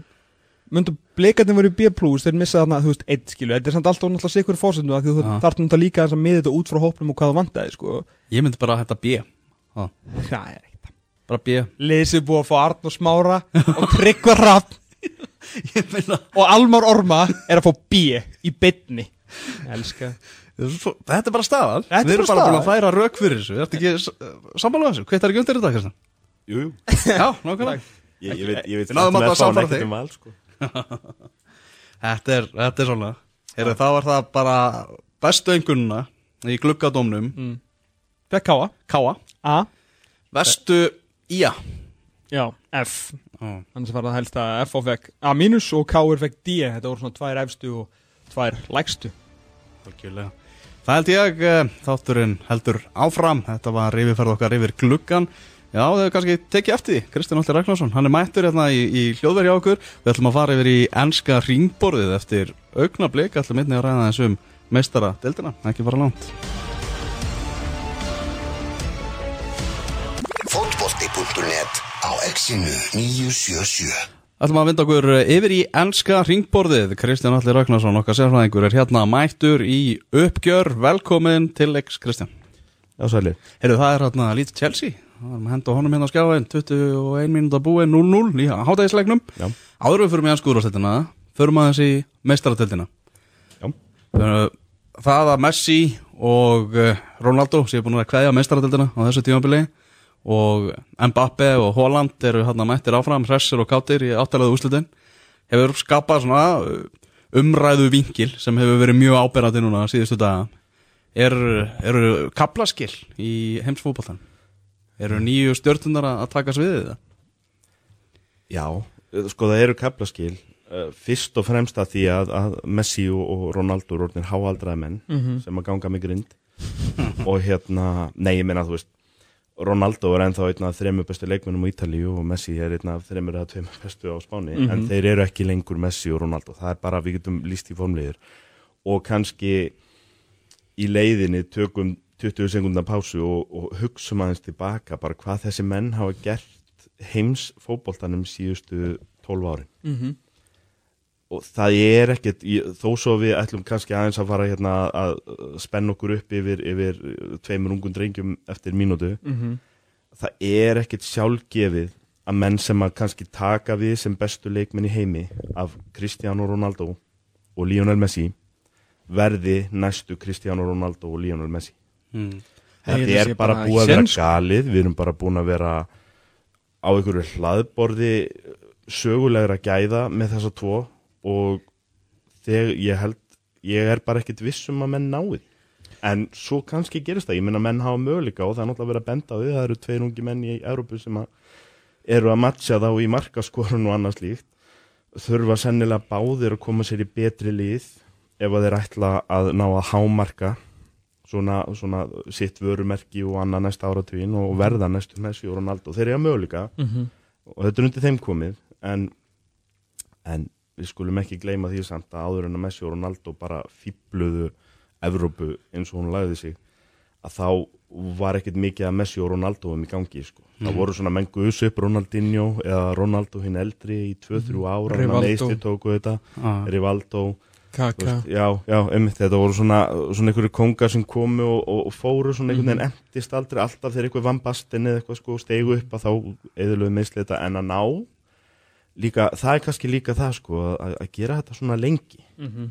Það er rosalegt sko já, ef að Messi hefði átt eitthvað svona fimm ára glugga og svo hefði Ronaldo tekið við með fimm ára glugga þá hefði það, það hefði verið eðlilegra en Já. þeir eru bara báðir búinir að vera langt bestir, alveg svolítið langt bestir síðan svona 2008 En- og tankurinn Í er- heiminum. og, og tankurinn er ekki tómur hjá þeim sko, þú veist, þeir eru ekki einir í fótballtaliðunum sínum það eru tíu leikmenn svona yfirleitt aðrir inn á vellinum á sama tíma. Já. og núna, það er smá vorkun þú veist, fyrir þá að, að, að Messi er náttúrulega í Barcelona liðið það sem er bara vesen það er bara vandræði og, og, og, og Olga þarna innan sem utanvallar og Ronaldo þú veist, er í Juventus liðið sem er langt frá því að vera svona sambarilegt við mörg bestu lið Juventus. Ronaldo, náttúrulega- nei, Juve er búið að vera í áskrifta dildinu á Ítalíu. Já. en, en hann kemur hann inn og honum er eiginlega svolítið falið það verkefni að vera krúnudjásnið sem að svona liftir þeim upp um eitt level og færi þeim mistaradildina sem, sem þeir vilja til þess að svona kannski fullkomna endurkomu sína á Európusviðinu eftir, eftir hérna neykslismáli sem dæmdi á nýrum deild. Mhm. og það er kannski hefur komið á daginn að það er svolítið ósangjart að ætla hvað, 35-6 ára Ronaldo að bera þetta eitthvað uppi þegar að liðið er svona það er búið að krista drópana úr, Einmitt. úr Juventus liðinu og það er aðeins á niðurlið og það er komið svolítið að kynsluáskipti með þeim og svo náttúrulega gerist það sama hjá Barcelona og, og, og það kemur á daginn að Messi er búin að eyða þarna kannski einhvern þremur síðustu svona stórkoslu árunum sínum í lið sem að þurfti kynnslóðskipti og enginn einhvern veginn vildi horfast í augu við það og svo var bara keift vittlust inn og, og, og, annað slíkt Eh, þannig að þeir, þeir eru kannski svolítið eins að því leitinu til sko að, að hérna frá því að fara úr því að vera í tveimur eiginlega langbestu liðunum svona heilt yfir síðast áratugin í, í Európu og þá væntalega heiminum yfir í það að vera í tveimur liðum sem eru eiginlega þeim ekki sambúðin Mhm. og en ég meina það er kannski hlutskipti það, þú, ert alltaf, þú ert alltaf kongurinn menn hafa alltaf tröllatrúar þangað til að þeir hafa hann ekki lengur og það, þeir þurftu kannski bara báður svolítið að sína það og sanna þeir væri ekkit le lengur leikmenn til að draga svona ekki sögulega góð lið Nei, nei. upp í sögulegar hæðir og þeir eru það koru lengur. Og það, það eru náttúrulega bara fyrst og fremst kynslu og skiptin segjum við með þá báða markahæsta er það ekki sínum deildum og Jú, jú, jú, og alltaf það. Er, það er ekkert eins og við séum eitthvað þú veist að skella þeim á bekkin hérna hjá Bassa og Juve sko. En, en, en þeir eru allavega ekki í þessum sögulegum sem þeir hafa verið En Og- en, og ef að tölum, ef við tölum um Mbappe og Holland sem bara arftakana, við erum að tala um það að ég og Tómi vikunni hversu brjálaði það yrði og að þeir myndu fara í tvö vinsalustu íþróttaliðin hér á landi, Manchester United og Liverpool.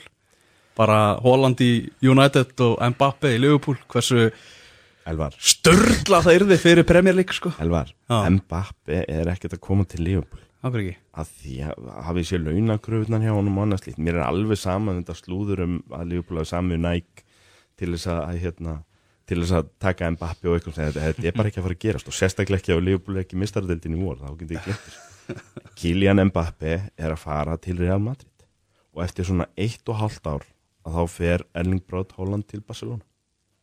Akkur, að því að það passa bara svo. En okkur fær ekki bara báðir í Real Madrid? Það takar ekki bara nýtt Galacticos þeir gætu náttúrulega 2009 gert sumar? Málið er út af þessum peningavandræðum í Barcelona þá veit maður ekki alveg hvað þeir geta. Ég veit að Joan Laporta, nýji fórsetin er, er yfirlýsingaglæður Mhm. og allt það. En, en hérna en sko hans yfirlýsingar eru þú veist kjósi mig og þá ætlum ég að koma Hector Bellerin og eitthvað svona sko það er svona meira á því leveli heldur en að vera að lofa Mbappi eða Holland Já, þannig að það, svona, það, það bendir allt til þess að Barcelona séu ekki með burði í það að slá eitthvað heimsmet í leikmannakaupum í sumar. Og þá eru real kannski svolítið einir að borðinu. Náttúrulega þú veist, sérstaklega með tilliti til þess að Mbappi er hjá Paris og ef hann er að fara frá Paris þá náttúrulega hann ekki, þá Paris ekki með í kapplöfinu þannig að real, þá er þetta real og það er Manchester City sem að hafa burði til þess að ná manninum á hans launapakka í Paris frá Paris Þa, það er bara þannig, þetta, það er tveggja liða dild og spurningin er bara og ég, ég get alveg trúa því að bæðilið reynir við hann sko. mm. pappans hefur náttúrulega tengsl yfir til Manchester og, og við sitt í og spurning hvað það fleiti mönnum en, en já, bæ, bæði væru bara rosalega metnaðafullur og öflur kostir fyrir, fyrir Holland en, en Mbappe ég veit ekki, mér finnst hann bara einhvern veginn alltaf hafa stemt til real og ég er, eiginlega, ég, er, ég er þar í dag, ég er hissa ef hann fær ekki til real Mhm. Ég ætla samt að leið mér að taka 20 sekundur eins og segja ráðan og ég mynda mér þá tvo Mér er alveg saman hvernig skiptin verða bara þú veist að þeir tveir verði í Master United Já. og Liverpool Já. bara Hversu gott lífi er þið bara fyrir ennska boltan sko? ég, ég, er, ég er ekkert að lýsa því að við erum með langi sko. Nei, nei, en þú ert svona, þú ég, draunar er að ekki, vera í ég, er, þessu. ég er ekki að lega mér. Mér langar líka til túnsins En, en ég er ekkert eitthvað að hérna Er það raunhæfara heldur en að Mbappe, bara út af möskarunum er ég að menna sko?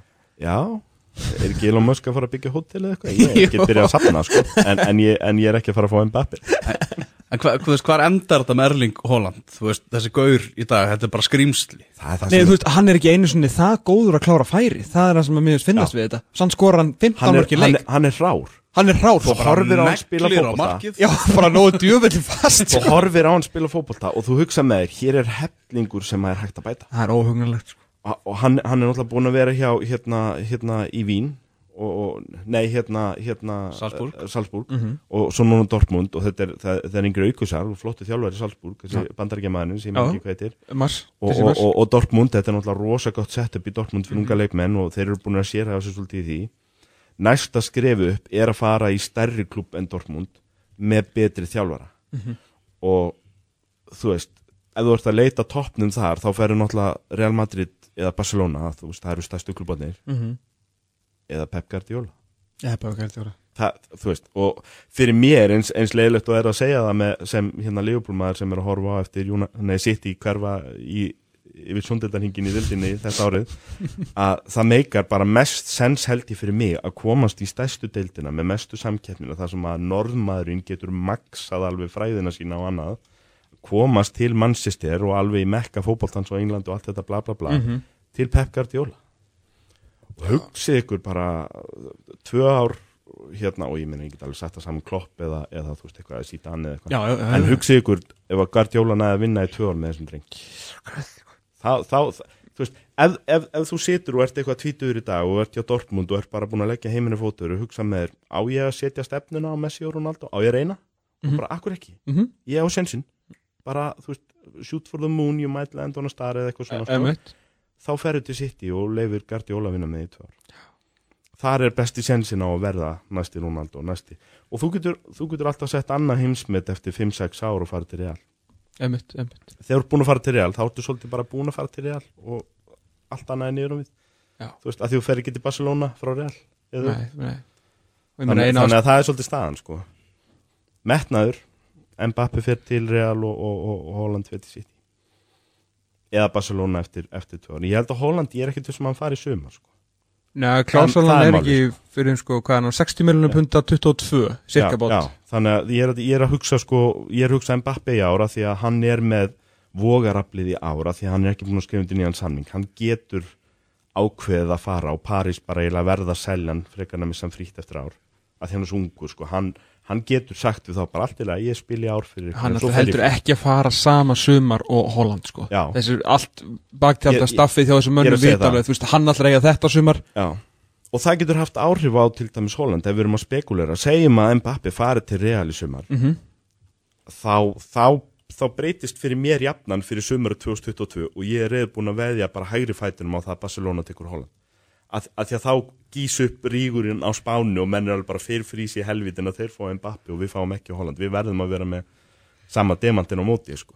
og þá verður allt gert næsta árið í Barcelona til að vera klárið með bankabókina og, og, og taka Holland eftir ár Þá byrjar fyrst Ronaldo og Messi samanbyrðurinn sko. Já, já, þá fyrst fyrir alltaf fullt sko. ef Og- við erum komnir þarna Gætu yfir og líka- að hafa ymmi í umla líka næsta áratíðin þá erum við konir með samanbyrð Getur ekki líka bara la- Getur ekki líka bara svolítið bara hjálpa til í þessu Bara l- svolítið lána þeim peninga okkur um góðum vöxtum bara til þess að fá þetta aftur að Því ég meina Ronaldo og Messi náttúrulega held þessari deilt bara á floti í bara áratugu eða eitthvað skilur já, já. og hérna síðan, þetta er náttúrulega ekki kannski þetta er náttúrulega svona vallafuglin fiskur í dag þannig sko, öll liðin einhvern veginn eru það er bara vandraði sko Mhm. þannig séð, þú veist, að gaman að Villarreal og Sevilla og svona, en þú veist, þetta er bara ekki nógu stór lið sko, þannig að ég held að það veist, líka þarf að fá þessa tvo tilbaka sko COVID er náttúrulega líka bara búið að býta einhvern veginn alla nema, nema þeir eru búin að býta Barcelona líka sko. þeir eru eiginlega búin að býta Real líka ég meina eins og öll önnu lið en, en Real allavega svona eru aðeins að lenda meira á fótunum heldur en aðrir Mhm. þannig að, að þessi deild uh, hún, er, hún er kannski svona opin og, og spennandi í ársóldi en, en þetta samt skipti máli, það er kannski ljótt að segja það en það skipti máli, þeir eru búin að vera með Messi og Ronaldo í þinni deildi í áratug. Mhm. þá skipti máli að fá eitthvað svona aftur. Og, og Messi, sko, hvort að hann framlingir um eitt árið ekki, að hann er svona aðeins samt á útleið hvort sem það er á hægri útleið eða hræri og Ronaldo er farinn ég held að, að þú veist, það er, það er öllum í hag ef að svona, þú veist, spænska ríki hjálpar real eignast Mbappe og eitthvað svona sko. Já, einmitt. og, og svo, svo skyndilega hverfur þriðjungu skulda Barcelona eftir ár Já, ég myndi hugsaði þú veist, líka bara um, um, um túrismann Já, skilur bara Barcelona borg er að er fara að þetta er hjálpa ekki bara félögin Nei, það er nei, nei, nei. öllum í haga þessi leikmenn sé að spila í Madrid og þú Barcelona vil verða þú veist Barcelona um leið og, og koruna vera svona hveður okkur eins langt og það nær Já. þurfa þeirra að fá hundra ás manns bara á alla leiki alltaf eins og Já. alltaf sko, strax ég, ég, ég las einhverja grein, ég las ítalega grein um fórsetakostningarnir í Barcelona fyrir svona mánuði mm. og þar kom fram að Barcelona sem klubbur fær lögsóknir í hvert sinn sem Messi spilar ekki leik frá mönnum sem kiftu miða á leikin Já, já, það er bara alltaf ef að Messi slepp, missir af eða hann er kvildu leik eða Já. eitthvað sem að gerist enda sjaldan, hann er svona típa eins og Suárez eða Sala sem að mm. Spila bara. neytar kvíla Já. þannig að það þarf svolítið að snúða upp á höndinu á honum stundu mm. get ekki verið í NBA Já, að ef hann missir að leik að þá fóðu lögsóknir. Ókvað það er fyndið. Meiri segja þegar Barcelona eru ríkjandi meistarar og uppamistarar upp á sitt besta og með Neymar og Suárez svona þá voru þeir samt að fá lögsóknir að Messi mistu leik. Af því að menn voru bara, ég keifti miðavöllin ég ætla að sjá sjóið Emitt, emitt ah, þetta eru vörusug Vörusvík og Rorri Heyrðu frá Já, vindum okkur yfir í ennsku úrvastendina, yfir í ennska boltan og þú ætlar að ofinbera hérna uh, úrvalsliðið og, og allt það hérna rétt og eftir. En við verðum nú að byrja á fréttunum úr Sheffield, okkar maður Thomas, Chris Ég- Walter. Ég veist það. Ég bara á með að tala um þetta? Já, Ég bara, ég skal tala um það já, gera það fyrir er líður eins gal. og þetta sé bara persónulegu vinnur okkar sko. þetta er algjörlega galið. Af því að akkur gerðu þeir þetta þá ekki fyrir tveimur mánuðum ef við dátt að bjarga ykkur ekki, nema, ekki nema að sé eitthvað í gangi sem við vitum ekki ennþá um leikmann uppreisni eða eitthvað sko sem að hafi knúið menn til aðgera Nei, ætla, hann og prinsinn náttúrulega get ekki unni lengur saman sko. já, ok. Ég hann, hann, er, hann, er alveg, hann, er alveg brjálæður ef ekki fengið leikmenn í, í janúar þeir eru fallnir sko. ég veit það, en sko málið er það sem að mér finnst skrítna sig við þetta, ef ég byrja bara með þetta eins og ég segi, mér finnst ekki skrítið að láta hann fara þetta er Premier League og allt það. En það er verið að segja núna að hann hafi stíði frá borði sem er náttúrulega ótrúlega spes ef að menn náttúrulega maksa pundið sitt. Ég kaupi það ekki. Nei, ég er nefnilega sammála því að því að, en einhvern veginn held ég, hann vissi hann myndi alltaf vera hann fara held ég í, í eh, sumar. Já, hann, og þá bara lætur þú reyka e, það er miklu meiri Mik miklu meiri peningur í því.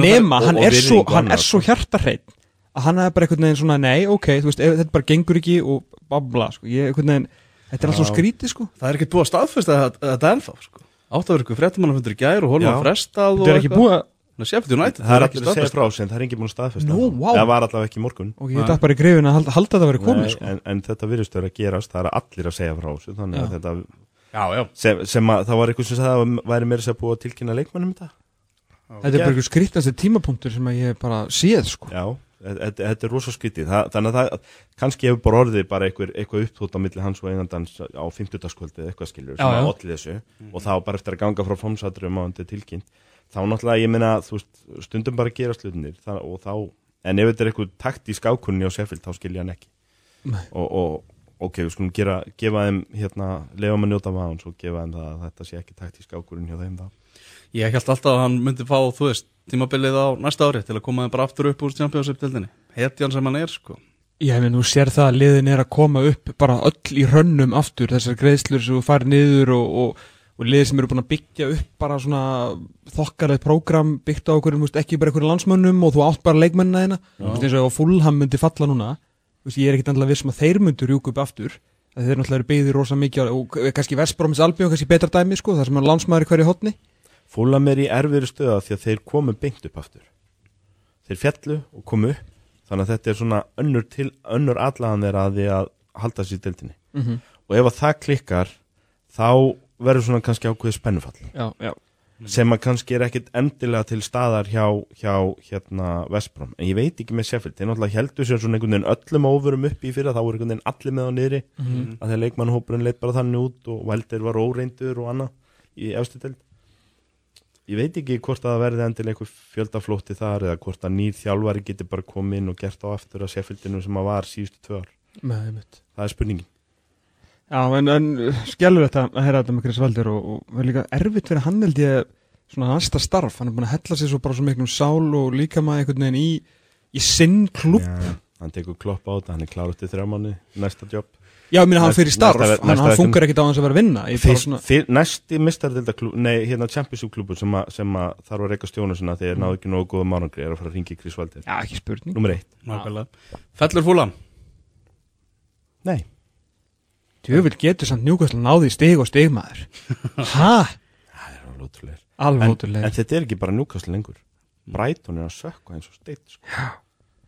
Brighton er bara að slæta í hafið þarna niður ströndina sko. Vantar svolítið að klára færin sín. Á.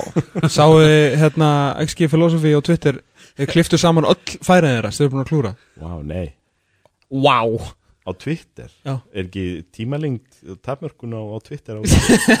Þetta var mjög snögt klift. Þetta er rosalegt maður. Þeir settu hérna XG þeirra Það náttúrulega vantar einhver 15 eða 16 eða 17 mörg upp á höfum sko Sannkvæmt XG-inu Þeir síndu færin Og maður var bara, þú veist, ef þeir falla Og þetta project einhvern veginn Þú veist, verður bara mögulega reyfi í hamburðisuna Eða taka þrjú skref aftur og bak út af því að þeir gátt ekki sparkað fótboltanum aðeins oftar í markið Þetta verður bara ein, ein, eitt sorglegasta fatt setni ára sko. já Brighton eru líka búin að veðja svolítið á leikmenn sem að hafa brúðist eins og Danny Welbeck og Adam Lallana og svona, það er alveg launapakkar í þessu liði sem getur svo derfið eða fara niður. það er ansið margt undir hjá þeim held ég fjárháslega að fara þá beint upp aftur ef að því er því Já, sko Fúlam er betra en Brighton og Newcastle í dag, mögulega Burnley maður er veginn svona, þú veist, Burnley er samt alltaf Burnley í Burnley, sko. Fúlam er held ég í áttunda sæti í þess að deilt frá ármútum Já, þeir eiga núna City. þeir Leeds sem þar heima sem að maður veit aldrei hvað að þá ertu búið með sitt í skilju Já, eh, er síðan eru þú veist Ulfarnir, Arsenal Chelsea eh, Manchester United, þeir eiga reynda síðan svona innbyrðið sinna svega gegn fú, hérna, fú, Burnley og svo eiga náttúrulega Newcastle í lokaðum fyrir henni, sko, sem gæti verið mjög áhafveruleikur en prógramið þeirra er ekki alveg nógu sexy, sko. Nei, erfitt program. Það getur verið að þeir séu svolítið falsku stöða að þeir hafi haft það svolítið gott undarfarið. Bara, bara hérna, bara svona miðlungslið og liðlegasta lið deildarinnar í síðustum verð. mm Þannig að hérna, já, ef við ekki bara, ef við ekki bara halda með því að það verði stórleikur í lokaumfyrinni. Jú, í það. Jafnir að stíðum, takk fyrir. Já. Pa- Panta það hér með. Ekki spurning Þá held ég að horfa það frekar eitthvað annað. Heyrðu, við ætlum að taka smá hlýja svo mætum við hérna með úrvalslið Kristjáns í ennsku úrvalsliðin eftir smá stund. Þú ert að hlusta á fótbolti.net á exinu 977 Já, við þurfum að hlusta hérna á ennska ringborðið í útastættunum fótbolti.net og uh, það er fjórðungsuppgjör, þriðja fjórðungsuppgjörið og það er komið að uh, úrvalsliði þessa þriðjungs. Kristján Alli, þú ætla bara að opinbera það hér og nú, hverjir eru í þessu liði? Já, um, ég hérna, ég, ég er með leikkerfið 3-4-3. Já. ég, ég stælinu miðverði til að koma geta bætt við miðjumanni mm. þetta er náttúrulega, maður spila aldrei með einn miðverð í, í alvörunni en, en í úrvarsliðinu þá megu það Hamá. uh, hérna í markinu er, er Edvard Mendy sem að er bara búin að loka rammanum og, og hérna og úrvarsliði lítast svolítið að því hvað Tuchel er búin að gera með Chelsea síðan hann kom inn þeir bara fá ekki á sig mörg Einmitt. Það er ekkit flóknar en það og þegar þú er búin að fá þau tvö í síðustu tíu leikum að þá ertu í úrvarsliðinu fyrir fjólungin, það er bara slúks og hérna í vörninni þá er ég með síðan uh, vinstri bak Shaw sem er að fá mikið rósa þess að dana Mm og er það vel. Mhm. uh, allir United menn sem ég tala við eru bara mjög hrifnir á honum og hafa haldið með honum svona einhvern veginn lengi menn eru svo ánaðir að sjá að þetta sé að ganga og hérna og kannski ekki sísta því að hvað eru tveir aðri vinstri bakverðir eða eitthvað sko þeir keftu Telles í haust og þá átti þetta bara að vera búið. Mm en nei, nei, Luke Shaw bara fann að skora á móti sitt og svona. Það finn með náttúrulega að Luke Shaw fó bara í viðtali, ég maður í hvort einhverju postmannsviðtali eða einhverju svona stóru viðtali kallaði eftir leikmannakaupum vildi bara fara að sjá okkur að leikmenn kefta Já. og svo var engin keftur nema maður í hans stöðu Já, Já. og maður svona að hlóa eins að þessu. En það, einmitt hefur heldur betur ítt honum, ítt við honum því að hann er bara á eftir Bruno Fernandes held ég með alveg, já kannski Harry Maguire svona og eitthvað, ég veit ekki svona hann er alveg topp 3 leikmaður Manchester United og þessar leiktíð held ég sko. Já það má alveg sitja mm -hmm. uh, Antonio Rudiger er í miðurörni og Cesar Aspili Kvita fær svona bakurinn, svona heiðus bakur hann hann náttúrulega er gæði sem spilar alls staðar en hann hefur verið að nota hann aðeins í bakurinn. Chelsea litaði þarna aftast. Já, ég meina þeir eru bara Túkel kom bara inn og hann sagði bara strákar það fyrsta sem við ætlum að gera er við ætlum að hætta að tapa og besta leiðin til að hætta að tapa er að hætta að fá okkur mörg og þeir bara já ok er. Þýskalandi. Og svo bara gerur það. Já. og, hérna, og það er vel. Uh, á miðjunni er, er hérna fastagestur Thomas Suchek. Konkurinn Já. hann hann er svo eini sem búin að vera þá í öllum þremi fjórumsuppgjörunum hjá mér sem að segja sitt. Og á að gert. heldur betur skilið. Á það heldur mikið skili og við hliðin á honum með Gundogan Ilka í Gundogan. Já. Og hérna hann, hann fær að vera þarna bara frammiðu til bruni þó svo að til bruni er sér komin aftur og farin að drotna. Af því að ég bara, við erum búin að hitla til bruni svo oft, þetta er orðið leðilegt Mhm. hann er svona eins og, þú veist, Van Dijk eða Sala eða eitthvað sko. Og hérna, stundum Já, ég þarf maður bara að kvíla þess að gæja Gundogan er bara búin að, búin að eiga hennar þriðjunga eiginlega. Hann er bara þar. Og, og Mason Mount er á miðinu líka.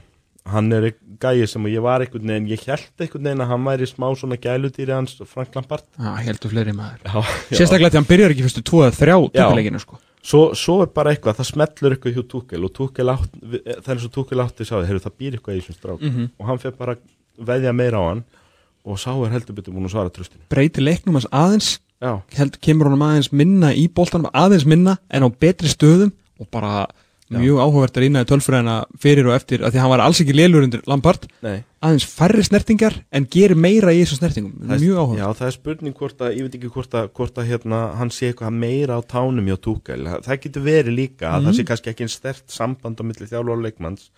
Að hann, veist, að hann sé að bara svona svara kallinum rosalega vel með því að vera alveg ekstra mikið á tánum. Mhm. og það sé að skila sig í framstöðvellin en hann er allavega búin að vera virkilega góður og svo er ég með hérna Bukayo Saka fjórum miðjumæður Flottur.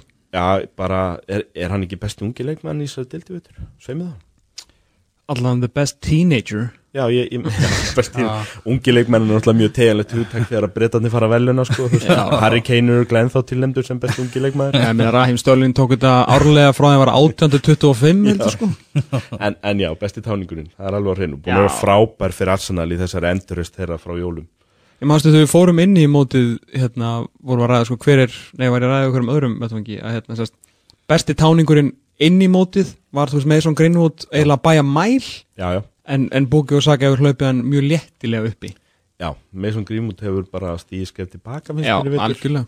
Og ég meina, hann er náttúrulega ungur enn það er, Já, já, já. það er ekkert eins og hann svona lélu leikmaður. Hann er bara, í kannski er hann bara svona aðeins hann á áttum í þessum svona nýja veruleika. Bara í ástasorg og bara, Já, það er líka erfitt. búin að, búin að eiga erfitt uppdráttar í haust er í fjarbúð og bara Já, gengur illa? Herru, og frammi eru síðan hérna Richarlison sem Mhm. er búin að skúra sex mörg á þessum fjórðung og, og alltaf þegar ég horfa á Everton þá enda ég á því að blóta honum mest sem að þýðir að hann er bestur í það og, og ég hlust á það þegar ég er pyrraður á því að hann skuli yfir höfu vera að spila fyrir Everton hérna, að þá, þá þýðir það eitthvað og, og við hlýðin á honum er, er besti leikmaðdeildarinnar þennan fjórðungin, Harry Kane Já. sem að ég bara það er eins og Harry Kane, hann er náttúrulega ekkit það er ekkit eins og hann sé hættur að skora mörg strákar, þú veist, hann er búin að skora sjö mörg í þessum fjónungi og, og hann er hvað næst markaðistur í deildinni eða eitthvað sko komin upp að hlið Bruno einu fyrir aftan Sala Já. ég meina Harry Kane er að fara að taka hennar gull sko Já, ef að, ef að Leopold menn gera sér ekki brók þá Já. tekur Harry Kane hann, hann minnst hann líklega en Bruno á þessum tímpúti Já, af já. því að Tottenham er svona aðeins farin í gang aftur og hérna fyndi með Tottenham sko, fyrsta fjónus uppgjör að þá lístu við því yfir að hér væri annað, annað sísón Mourinho í gangi og bara sögum Tottenham um að skemmta sér mm -hmm. Og svo komum við og, og jarðsungum þá hérna í síðasta fjónusökjir og nú erum við mættir aftur og aftur farnir að segja að maður skemmta sér. Þannig að það er spurning hvort við erum að jarðsingja það aftur í, í tímabilslokk við erum að sjá til, en, en þetta lítur vel út í það núna. Og, Það er eða svolítið töff prógram sko upp á mestaröldarvonir sko þeir þurfa að spila rosalega vel. Það er margt að ganga upp hjá þeim sko, Já. en þeir eru allavega í betri stöðu heldur, Já, en- heldur já, en já. mínir menn eða Arsenal eða eitthvað sko um að Mhm. taka þetta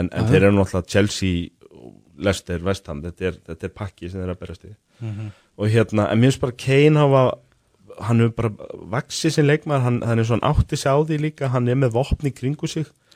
Og það að hann tæki gullskóin skilar þeim endilega ekkert titlum.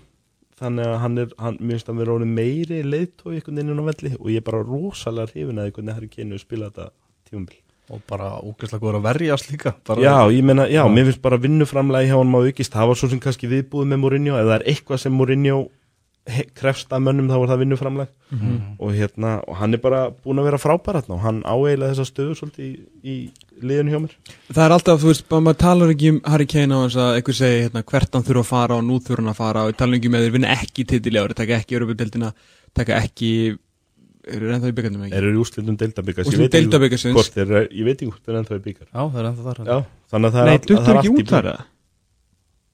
Er ég að bylla það? Unnu unnu allavega Marín liði Já, ei, bara hérna, jú, þeir eru búin að vera á fínni, fínu stríki, nei, töpu fyrir Evertón í Vító. Já. Nei, ég hefði framlengingu. Harry Kane er rosalega nálægt í að verða næsti Alan Shearer nema að Alan Shearer vann deild. Vann einn hann var búin að vinna sko. deild snemma þannig að hann gat svolítið leift sér að kjósa með hjartanu og fara bara til Newcastle og vera bara hjá Newcastle. Þetta hann gat nefnilega, leift sér það en Harry Kane, hann, hann á á hættu hann er hvað, 27-8 ára hann verður 28 ára nefnilega í ár, Já. sko hann á á hættu að verða bara mögulega besti leikmann sem aldrei vann titil í Englandi eða eitthvað sko. Hann er alveg hann að verður það keppa við, léttilega, sko. Nei, ég segi það nú ekki, hann er að keppa við Steven Gerrard en þann titil. Sko. Sorry, ég, ég var að tala um f- En við erum sko. að tala um alla stóru titlan Alltaf Gerrard vann allt nema Já, deildina ég, ég var að tala um Já, strækjar sko. Við erum að tala um bara mann sem er með hérum bíl tóman glerskáp fyrir utan gullskóna sko, Ef þá segja að Gerard fái hérna loksins eitthvað með sér í The Conversation. Í the conversation Já, sko. það er bara þannig. Og það er bara rosalega stort og erfitt. Ég meina auðvitað er hann tóttina maður í gegn og allt á hann Mhm. legend hjá þeim og annað. En ég meina yrðu tóttina menn brjálaðir ef að Harry Kane færi til París í sumar.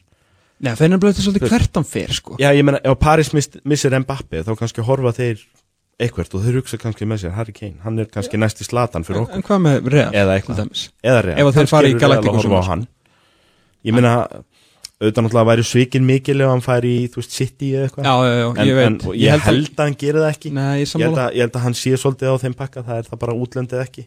En væru þeir ekki bara svona smá ánæði fyrir hans hönd. Hann er búin að gera svo mikið fyrir mér Fjögur tímbil yfir 20 mörg ég verið að fara að í segja 15 núna yfir 20 uh, Þú veist, og gerir allt einhvern veginn fyrir Og ef hann færi bara úr deildinni Til þess að vinna einhverja titla já. Þú veist, og gera eitthvað aðeins annað Það hann er búin að skila af Því að mér finnst tóttan mikið kannski alveg gert Ég mikið fyrir hann og hann fyrir þá, sko. Þetta er bara orðið fullri, Já, svolítið. Ég, ég held að það get ekki nokkuð maður kalla það að hann sé að stinga félagi baki eða eitthvað ef að hann fyrir til þess að vinna titla í París eða á Spáni eða, eða með Juventus eða eitthvað eftir þetta. En auðvitað náttúrulega er samtalið annað ef hann fer, fer, fer í annað ensli, sko. Hva, hvað kostar hann í dag? Þú veist, hann er, hann er með samning til 24 Þannig að það er ekki svona ræða það neitt Ég veit ekki hvað COVID gerir en þetta er 100 miljón punda maður þráttur að vera að vera 28, 28 ára Já, Þetta er 100 miljón punda maður, sko. já, já, Hann býr til það sem er mikilvægast í fótbolta Það eru mörkin einmitt Já. Og hann mun gera það sami hvaða delta verður, sko. Já, Herru við hliðin á þeim félögum frammi er síðan maður sem að, að því að þú talar um Indian Summer á hann er að eiga bara hérna Indian Spring sko, döðans, það er Jesse Lingard. Já, er þið rétt sem að var eiginlega bara búin að leggja skón og hilluna ég, held ég. ég, ég held það, ég hef heimildi fyrir því að hann hafði bara verið hættur, var hann ekki búin að stopna eitthvað tísku fyrirtæki og Jú, það, það, því gekk jafnvel og Já, fótboltaferðlunum svo var mammans í veikindum í fyrra og eitthvað, það búið að vera ímislegt búið að ganga. Og hann er ekki bara búin að vera hann er ekki bara búin að vera eitthvað fótboltavombriði hjá Manchester United, það er bara líka búið að vera meðslavandræð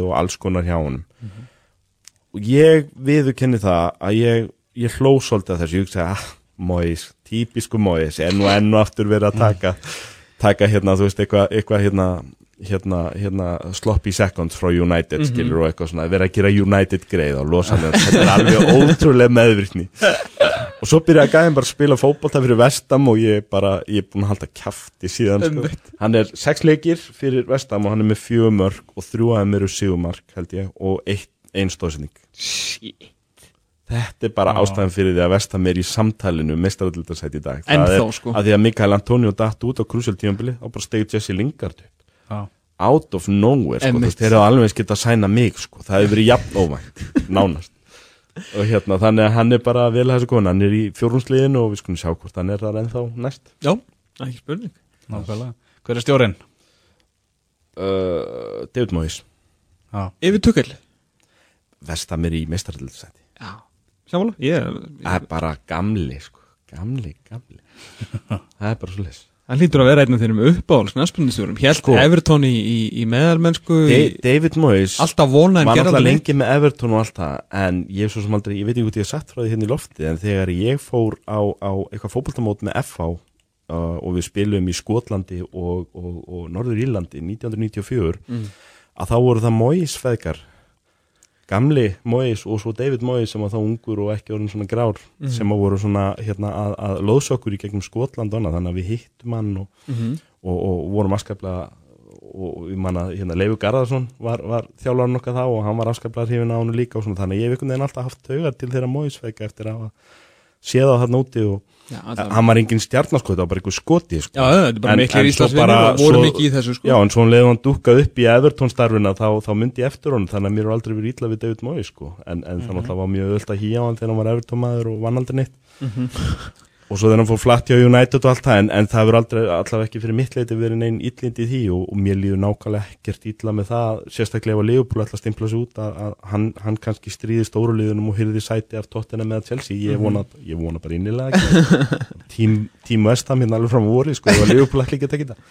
Já, nokkulega Hefur talandi um uh, Liverpool uh. Er eitthvað að frétta þar í, í vombreiðliðinu Hvað hérna? Við skulum bara fara í vonbreðlið Það tökum vonbreðlið Ok, tóka Og tökum bara umræðinar út frá því. Ok. Ég vil fljótra þess Nú, ekki, ekki gera sjálfur þetta. Í markinu er Alisson Becker. Ah. hæri bakur er Trent Alexander-Arnold og vinstri bakur er Robertson. Í miðurvörninni eru FSG og Jürgen Klopp og Michael Edwards. Þeir geta bara getið skít og spila sjálfur í vörninni fyrst að þeir hengdu liðið til þerris í vetur.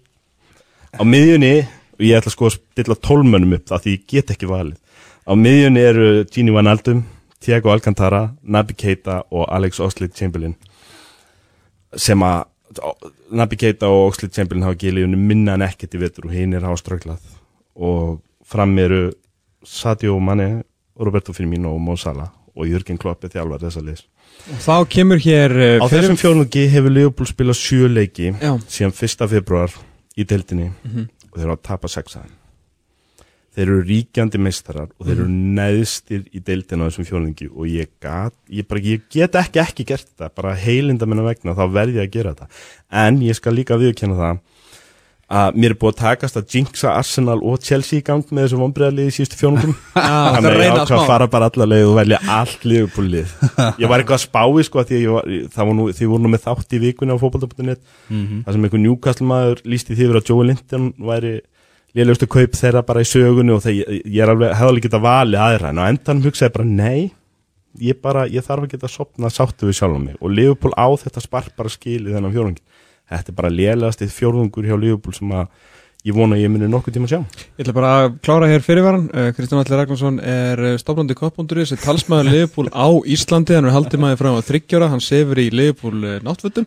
Hann á allar treyðunar frá því að Premier League uh, var stopnað og ef þið hef ekki verið með okkur hér sinna við fórum að stað með þannig að þáttur 2009 þá hefur hann verið hér í rúman áratug að tala máli Liverpool. Þannig að látið okkur í friði. Ég vil bara taka það fram að ég er svektur með gengið mína manna. Já, það, nú var það. Já, þetta var, en, en hérna Gaman í meistararteltinu Já, það er gaman að segja frá því samt Já. að ég er bjart sitt strákar. Já, eftir þetta ég, ég verða að fá að bæta því við fyrsta vonbreiðalegi fór svona. Ég er bjart sitt Liverpool er búið að vinna þrjá að síðustu fjórum útilegjum og þeir fóru svona líka vel með Leipzig í mestaröldinni léttilega. Þeir eiga útileg gegn Úlfunum á mánudaginn og svo er þryggja vikna pása og mjög fáir óvinnu fáir hjá Liverpool að fara í landslýsverkefni og menn er að tala um að klopp fáir svona second pre-season fyrir eitthvað áhlaup á vorið og, og, og að því að menn er ennþá með í meistardildinu þá hafa þeir eitthvað að keppa. Og það er eitthvað að þeim eru búin að gefast upp í meistardildan barátunni þú veist, við horfum á þetta og segjum þetta er ekki séns að því að það eru ómörg lið og ómörg stig. Ok, en þeir hljóta að gera áhlaup bara, bara stoltsins vegna og upp á það að leggja upp línutna fyrir næsta leiktíma bilona það sem hefur gest hjá Liverpool er að þeir hlupu bara á þann fáránlegan vegg á er bara lið sem hafa búið að vinna 67 af 68 heimaleikjum í röð og gera jafntefli í 68. leiknum. Gerðu svo tvö jafntefli í röð á móti Vestbrom og United snemma í januar og svo loksins kom tapið og þá eru þeir bara búin að tapa sex leikjum í röð. En þessi leikir hafa líka verið, sjá eins og fúlamleikinu í síðustelgi ég er búin að vera duglegur að benda mönnum á þetta í vikuna því mönnum alltaf að tala um miðja vörnina. Þetta mark sem að fúlam skorar hefði þeir sennilega skorað þó svo fann Dæk og Gómez hefði verið inn á vellin því að það er bara salalætur hyrða sér í, í land, hérna, land, eða grípa sér í landhelgi það er það sem ég leita. Og, og, og svo er hún boltan bara slengt í fjærhóttni óverandi fyrir Alisson. Og Leopold getur ekki skorað. Leopold er ekki búið að skora fótboltamark fyrir utan vítið hann Sala gegn City í 12 klukkutíma á Anfield. Og það það ber allt liðið ábyrð á því. Ekki bara eigundurnir og miðverðinir sem eru að spila leikin þar bera stóðsendingakongarnir ábyrð á, á, í bakgrunum, þar bera miðmennir sem eru margir og flottir á pappir ábyrð og þetta magnaða þríegi það ber líka svakalega ábyrð þar. Jörgen Klopp er ábyrð þar. Þú veist, það er ekki bara hægt að segja að Van Dijk og Gómez og Tómur Anfield þegar menn er ekki búin að skora fótboltamarka á heima í 12 tíma. Ég þetta er hérna- bara ótrúlegt og, en ég, þú veist, að því að það er útilegur á mándaginn og svo þrjár vikur þannig til að þú veist, í stopp bara. Menn hljóta að fá bara fimm dagar frí og fara svo til Dubai að æfa eða eitthvað sko til að hrista sér saman og, og, og hérna reyna að finna leið út úr þessum ógöngum fyrir næsta heimaleik. Ég, þessu hlýtur að ljúka eitthvað tíman og ég held að þegar að fyrsta fótboltamarki kemur sem er ekki viti fyrsta alvöru marki kemur, næst þegar að- Trent slengir einum fyrir og Sala potar honum minni eða eitthvað, þá held ég að muni bara bresta eitthvað flóðgáttir. Og það er mögulega og mjög líklega of seint fyrir meistarallita sæti en meistaralliða. almáttur sko, ég, Leifupól verður ekki liðlegasta liði í deildinni þann fjórungin þegar að við gerum upp næsta vinnung, ég skal bara veðja öllu hér og nú. En á ég, ég gera er ennþá- þetta. Á ég gera Já, gerum Það varst að tala um þessar þrjár vikur sem að Leopold er að fara inn í núna. Já. Og hérna, að því ég er nú mikill Dortmund maður og var nú búin að uppgöta klopp langt á undan ykkur. Já, Að hérna, uh, að við Dortmund menn fórum í ótrúlega vegferð Veturinn 2014 Átjum mánum eftir að vinna næstu í mestarallina Og unnum ekki fótballtaleik til að berga líf okkar Já. í búndislíkunni Eftir að verið besta liðið þar og verið farið að keppa við bæja en árun þegar tók allar leikmennin okkar. Voru ekki fallsæti um jólin? Jú, bara það gekk Jól, jólafrínu gekk ekki neitt. Margt svipað með Dortmundliðin á, á þenn tíma og ég veist, var að revja þetta upp í vikunni þegar ég las grein eftir, eftir uh, félaga minn, Rafal Hunningstein uh, það sem að hérna, hann fóði svona að revja þetta allt saman upp því að ég var eiginlega bara hættur að geta hort á það með þetta uh, þeir náttúrulega missa uh, leikmenn sem náttúrulega keftir frá þeim að sjálfsögðu. Uh, Lewandowski til dæmis. Uh, Aubameyang var gemdur út á kanti og svona, þú veist, skoraði ekki fyrir hann, þú veist, Klopp var ekki alveg búin að finna út hvað hann var, sko. Ciro Immobile var ekki alveg að funka sem Robert Lewandowski, Mats Hummels kemur meittur af háum, þannig að það vantar besta miðvörun í raun og veru. Og svo voru mistök hjá annars tröstu markverði, Róman Vætenfeller þú veit kannski svona músík sem þú ert svona aðeins að tengja við, sko. Já, já, ég, uh, og síðan bara svona bara fasta leikmenn, Ginter, Erik Durum uh, Kevin, Kevin Grosskoric bara svona bara tröstir leikmenn voru bara ekki svipur hjá sann Já. og það var svona allt komið í, í svona svolítið hersendur og, og það var alveg ljóst að að geginpressen og rocker og fótboltinn var ekkert, það var bara gekk ekki upp sko. Já. uh, leikmenn voru þreyttir og búin að spila þetta lengi og var ekki búið að kaupa nógu góða leikmenn inn, ekki nógu marga og þetta var svona uh. þannig að þegar það kom að og leikmenn voru fannir svona sem ég að svara klopp og svo bara herðu vinnur þurfum við ekki aðeins að fara í meira possession based bolta þetta núna? Já Þú veist, að þeir alltaf- að þeir alltaf vera að tala núna að það sé allir búin að fatta klopp skilur að þessi Já. bolti virki ekki lengur. Og hann sagði bara nine, shut the fuck up. Já, þú veist, mín leið hefur bara virkað ágætlega hún virkar mjög vel þið þurfum bara að gera betur. Já. og hvað bjargaði þeim? vetrarfríð er þegar að menn held að þeir ætlaði að fara á okkur púp og bara taka móralskan þá æður meira. Já. Þeir æður betur, þeir æður meira og í staðin fyrir að breyta ykkur skerptan bara á áherslunum og þeir spiluðu sama bolta en þeir fengu bara, að því að náttúrulega, já, undirbúinustímbilinu þá voru breytingar í liðinu, menn voru að koma af HM og skiluðu alveg eins og núna. Þú veist, það var ekki það mikið prísisón þannig að þessar þrjára vikur sem að liðupúlur að fara inn í núna þeir eru ekki að fara að breyta einu fucking neinu sko. ekki, ekki taktík ekki Það nokkur er á þessu. Hann er bara að fara að slá á það, það aðeins sem náttúrulega bakið enginni klopp er og það sem að menn eru farnir að, að sjá núna og náttúrulega þegar menn bera saman þetta hrun hjá Liverpool við hrun hjá Dortmund það haust Mhm. 2014 er þetta sko sem þeir segja sko og ég sagði á Twitter um daginn klopp er kerfið. Klopp er ekki bara rosalega góður mannmotivator og rosalega góður æfingarsönn allt það. Það er þetta kerfi, hann, þegar hann byggir þetta kerfi upp og þegar hann kom með leikmennin í þetta kerfi þá er hann með kerfi sem að getur slá, skákað Manchester City og getur skákað Barcelona og getur skákað Bayern München og þessum eru Liverpool búin að vera svona góðir í þrjú ár núna því að hann kom með leikmennin í kerfið og hann búin að ná að klára kerfið og þá stóðst þeim eiginlega engin snúning sko. Og svo það sem gerist hjá Dortmund þarna þegar þeir eru búin að missa leikmenn til bæin og missa leikmenn í meðsli og það sama gerist hjá Liverpool núna þeir missa me- leikmenn í meðsli og að því að þetta er ekki bara meðslarina heldur eins og við vitum concentrated meðslarina í einni stöðu sem að hyrðir tvo bestu miðjumennina að miðjunni. Sáuð bara Fabinho í vikunni loksins aftur í varnatengilinum þá sá maður líka bara hvað þið vanta hjá Liverpool Mhm. á miðjuna að vera með Fabinho og Henderson niður í miðjunum. Þegar að þú ert ekki með leikmennina eða aðstæðunar til þess að spila þetta kerfi af því intensity og af þeirri eh, getu sem að Klopp vill og hefur sínt að hann getur látið liðið performa á að þá hreynur þetta bara eins og spilaborg. Það er ekkert plan B að því að, að því að Klopp er kerfið. Klopp er ekki, hann er ekki að fara að laga sig að breytum aðstæðum, hann er verið þess að óbílandi trú á kerfin og það getur þýtt það að menn hlaupi stökusinum á vegg. Mhm. En þegar þetta er gott þá er þetta líka ógeðslega gott, gott, og við þykjum alveg þau skipti að hafa unni í deildina í fyrra og hlaupa veggi ár. Það er erfitt að vera í þeirra aðstöð að vera að hlaupa veggi ár og þetta er náttúrulega stærri veggur en nokkur hef, nokkur hefur grunaðir getur lendi í sérstaklega á heimaðalli að tapa sex í röð á heimaðalli það er bara á ekki að sjást hjá klubbins og liðbúlu, menn eiga að fá gaggrin og það, það á ekki að afsæka þetta. En á sama tíma þá eru svona blekur á lofti. Menn eru að snú aftur úr meðslum jú, Van Dijk og Gómez og sennilega Matip og eru farnir hendur svona mánuð eftir en aðrir eru að skriða tilbaka það eru svona blikur á lofti að að setja núna Fabinho á miðjuna og þá Tiago framar og hann var allt í einu allt annað maður á móti Leipzig í vikuna þegar hann fekk að vera framar.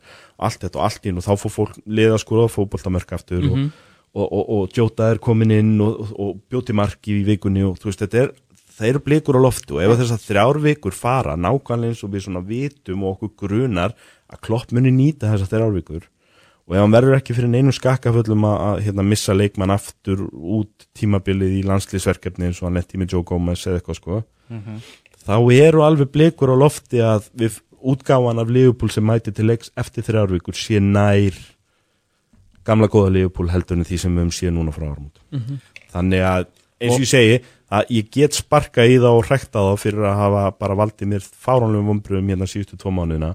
En um leiðis sagst vera bjart Mhm. Algjörlega. Uh, Eða kannski aðeins að, að því að staðan er ennþá markalus á um, Elland Road þar sem að lýts uh, Chelsea er að mætast í hátegisleiknum stór leikurinn og rauð talandum Liverpool og bara fyrir Európu, fyrir ekki, fyrir mestaradildar baróttuna uh, Thomas Tuchel uh, byrju nú, Chelsea er úi, því líka varsla hjá þetta mendi uh, svona, lægstu stuðlinn er á Chelsea eins og staðan er akkur núna og gert, þetta, gert þetta rosalega vel og ég hérna uh, fekk svona smá hérna, insight núna frá manni sem að uh, vinnur hjá Chelsea sem að hérna er á æfingunum hjá þeim og hérna sagði að væri minni taktík á æfingum heldur en að menn hefðu svona búist við. Hann leggur rosalega mikið upp úr Thomas Tuchel upp úr svona persónulegum samskiptum og vita svona allt bæði bara hverju leikmyndir eru og hvernig þeim líður og svona svona svolítið í persónunum sko. Það er ekki að því að maður, horfir á þetta og þetta er svo rosalega mikið taktík sko. Það er kannski ekki alveg í takt við það sem maður heyrir um Tuchel líka. Nei. hann sé ekki mikill mannmanager. Ég veit ekki hvort að það er nýr tótn hjá honum Nei, eða hvort hann svona- hefur verið hafði fyrir rangu sög þá hjá París eða hvað. Mm. en svona en það er áhugavert. Uh, mjög áhugavert sko, sérstaklega en allan að ég ljósi þess að þetta er að, ja, þetta er að svínu virka allavega. Já, þjálfun er rosa mikið bara líka þessi línudans. Þú mátt ekki fara, þú mátt aldrei sveiflast held ég og mikið aðra áttina eða hinna Mm og þetta vera frábæri taktík en það má ekki vera eina sem hún gerir. Og þetta vera frábæri mannmanager en það má ekki vera eina sem hún gerir. Og hérna hann er allavega að slá hárréttan tón núna en það, það var náttúrulega kannski það var, það voru rökin fyrir því að Lampard var látin hætta. Þetta legend hjá félaginu og annars slíkt að mönnum fannst þeir verða að fá að reyna annan þjálfara sem gæti náð meir úr þessum frábæra leikmannahópi -hmm. því um leið og þessi leikmannahópur byrjar að tikka að þá sjá menn allt í hennu þeir eru með leikmannahóp sem á klálega heimi mistadildinu og þeir taka mistadildasæti og þeir eru bara til alls líklegir í mistaradildinu í ár Ég meina þú veist, hann er að- að fimm, hann er að gera fimm breytingar um þetta leiki og það er samt. setni leikin gegn eftir og það er alls ekkert gefið sérstaklega á tómum öllum og allt það en hérna, en þeir lítur rosalega vel út í fyrirleiknum gegn Mjög. Atletico og ef þeir klára það einmi þá, þá er ekkert mörgli í Európu sem að oska sér þess endilega eitthvað að fá Chelsea upp á pottinu sko. þannig að það sem að vantar helst hjá Chelsea í dag er hann er ennþá í smávandræð með markaskorun Sýrú gamli hefur helst verið að drafagnin hann vantar rosalega mikið að fá tímaverðnur Kai Havertz, það með Ibrahim í gang Síðan hefur umlað Chelsea oft svona lúmskast veginn til að kaupa ofurstjórnur. Ég veit að Erling Braut Holland sagði að á að hafa sagt að Chelsea væri ekki nógu stort fyrir hann sko, en eins og þegar þeir einhvern veginn fengu Hazard á sínum tíma sko. Mhm. Æ, ég veit ekki, þú veist, það er náttúrulega hann áfyllt á peningum og það er að setja alls konar vasa Það er- sko. Það er svolítið það sem þeir voru að reyna að gera með Werner og Havertz. Þú kaupa næsta Hazard. Já, Það verður ekki alveg gengið eftir alveg, sko. En ég meina að þeir eru þýskir, þeir eru ungir Mhm. og Tuchel er komin Það má alveg fullu Það er enginn að fara að láta þess að gæja að fara í sumar. Nei, nei, nei. Það má gefa þeim tíma sko. Það er það frekar að Tammy Abraham sé á einhverjum sens sko, síðasta sens Ef, þú ætlar að fara að tala um menn sem að gæti þurft að víkja fyrir kannski einhverjum einum öðrum sem er líklega til að skora mörg Já, í það. sumar þá er það myndi ég frekar veði á Tammy Abraham heldur en Werner og Havertz í þeim málum. Já, að sammála því, ég veit ekki alveg hvort að hann pressan er kannski svolítið á því mennska. eigi framtíðarna sko. Það held ég, eh, eitthvað fleiri lóra? Já, ekki í- við anska ringborðu held ég. Nei, Það séu bara ansið góð með það. Já, allan að lítið Chelsea eh, núna e, í gangi, Crystal Palace, Vestbromins Albion klukkan þrjú, missir enginn af því. Everton Burnley, eitt mikilvægast íslendingarslæður sem við höfum séð, aðalega bara upp á íslenska landslið hópur eru tilkynntur á miðvikudaginn. Já. þannig að við viljum sjá þá helst báða. Megið er hvoru við meðast meðið fóruð með þess, meðið bara báðu vera með samt helst Þetta er alansliðið tilkynnt á miðvikudaginn og U21 á fimmtudaginn. Já, Þannig að maður getur eiginlega svona, landsliðsvika. maður getur svona nokkurn veginn séð á miðvikudaginn og svona allavega giska á hvernig U21 og svopurinn verður á, á er ekki þannig. fyrsta lið hjá Arnari? Jú, á miðvikudaginn. Já. Og svo Davís Það Snorri á verður mjög, sko. mjög áhugavert Verður að sjá hvað Arnar hvort hann kemur ekki óvænt þar upp í bókanum Algjörlega, algjörlega. Síðan er heima með Elvari í kvöld uh, í beinni samkettum við uh, Rúf að þessu sinni, það sem færa heima með Helga uh, Nú. Hann 21.10 uh, út af þessu Júruðursson byrlið sko. Já, það Að er svona hérna- frumsýnar Það er hvað sem er allir búin að heyra þetta á Eurovision Ég segi það, hver það er að verða allir í fulla mannstu sitt með Elvari í kvöld sko. Síðan þetta morgun, uh, kannski stórleikurinn Norður Lundúna slagurinn þar sem að Arsenal tekur á móti tóttina en uh, Kristján, þetta er kjærlega fyrir komuna. Gaman að fá þig, eins og alltaf, minnst þú alltaf vera einna að spila svo þétt í þessari deild en meir bara að koma sem oftast og vera sem lengst í hver skipti. Já, takk fyrir mig. geggja að fá þig. Eh, eins og segir markalust á Elland Road. Við að halda áfram eftir smáalur og slúta þessu? Ekki bara að segja þetta gott? Ég ætla að fara að horfa á breyðablik fylki hérna sem er staðin reitt eitt Þetta er bara að slöfa þættun núna? Já, þú Ja. meinar? Já, ekki bara. Ég við getum gert það, það er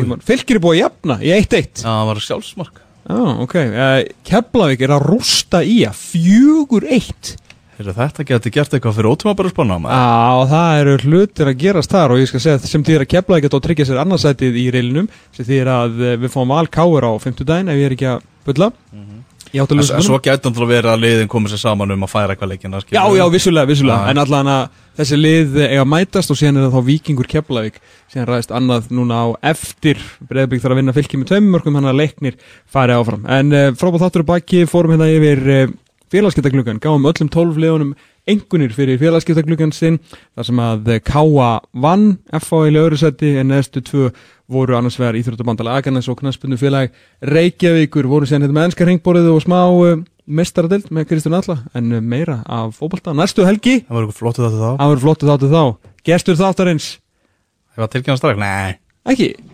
Náttúrulega gæti verið að segja að spila já, já, já, já, já, við tilgjum að þeirra veitum betur, meira. Það kemur alveg góðu gestur. Já, Og náttúrulega landslið fær, fær stórt pláss. Fær, að- fær reysa stórt pláss. Endilega verið með okkur þá eftir 6 og 22 tíma og svona 10 myndur eða svo, það hanga til, verið sæl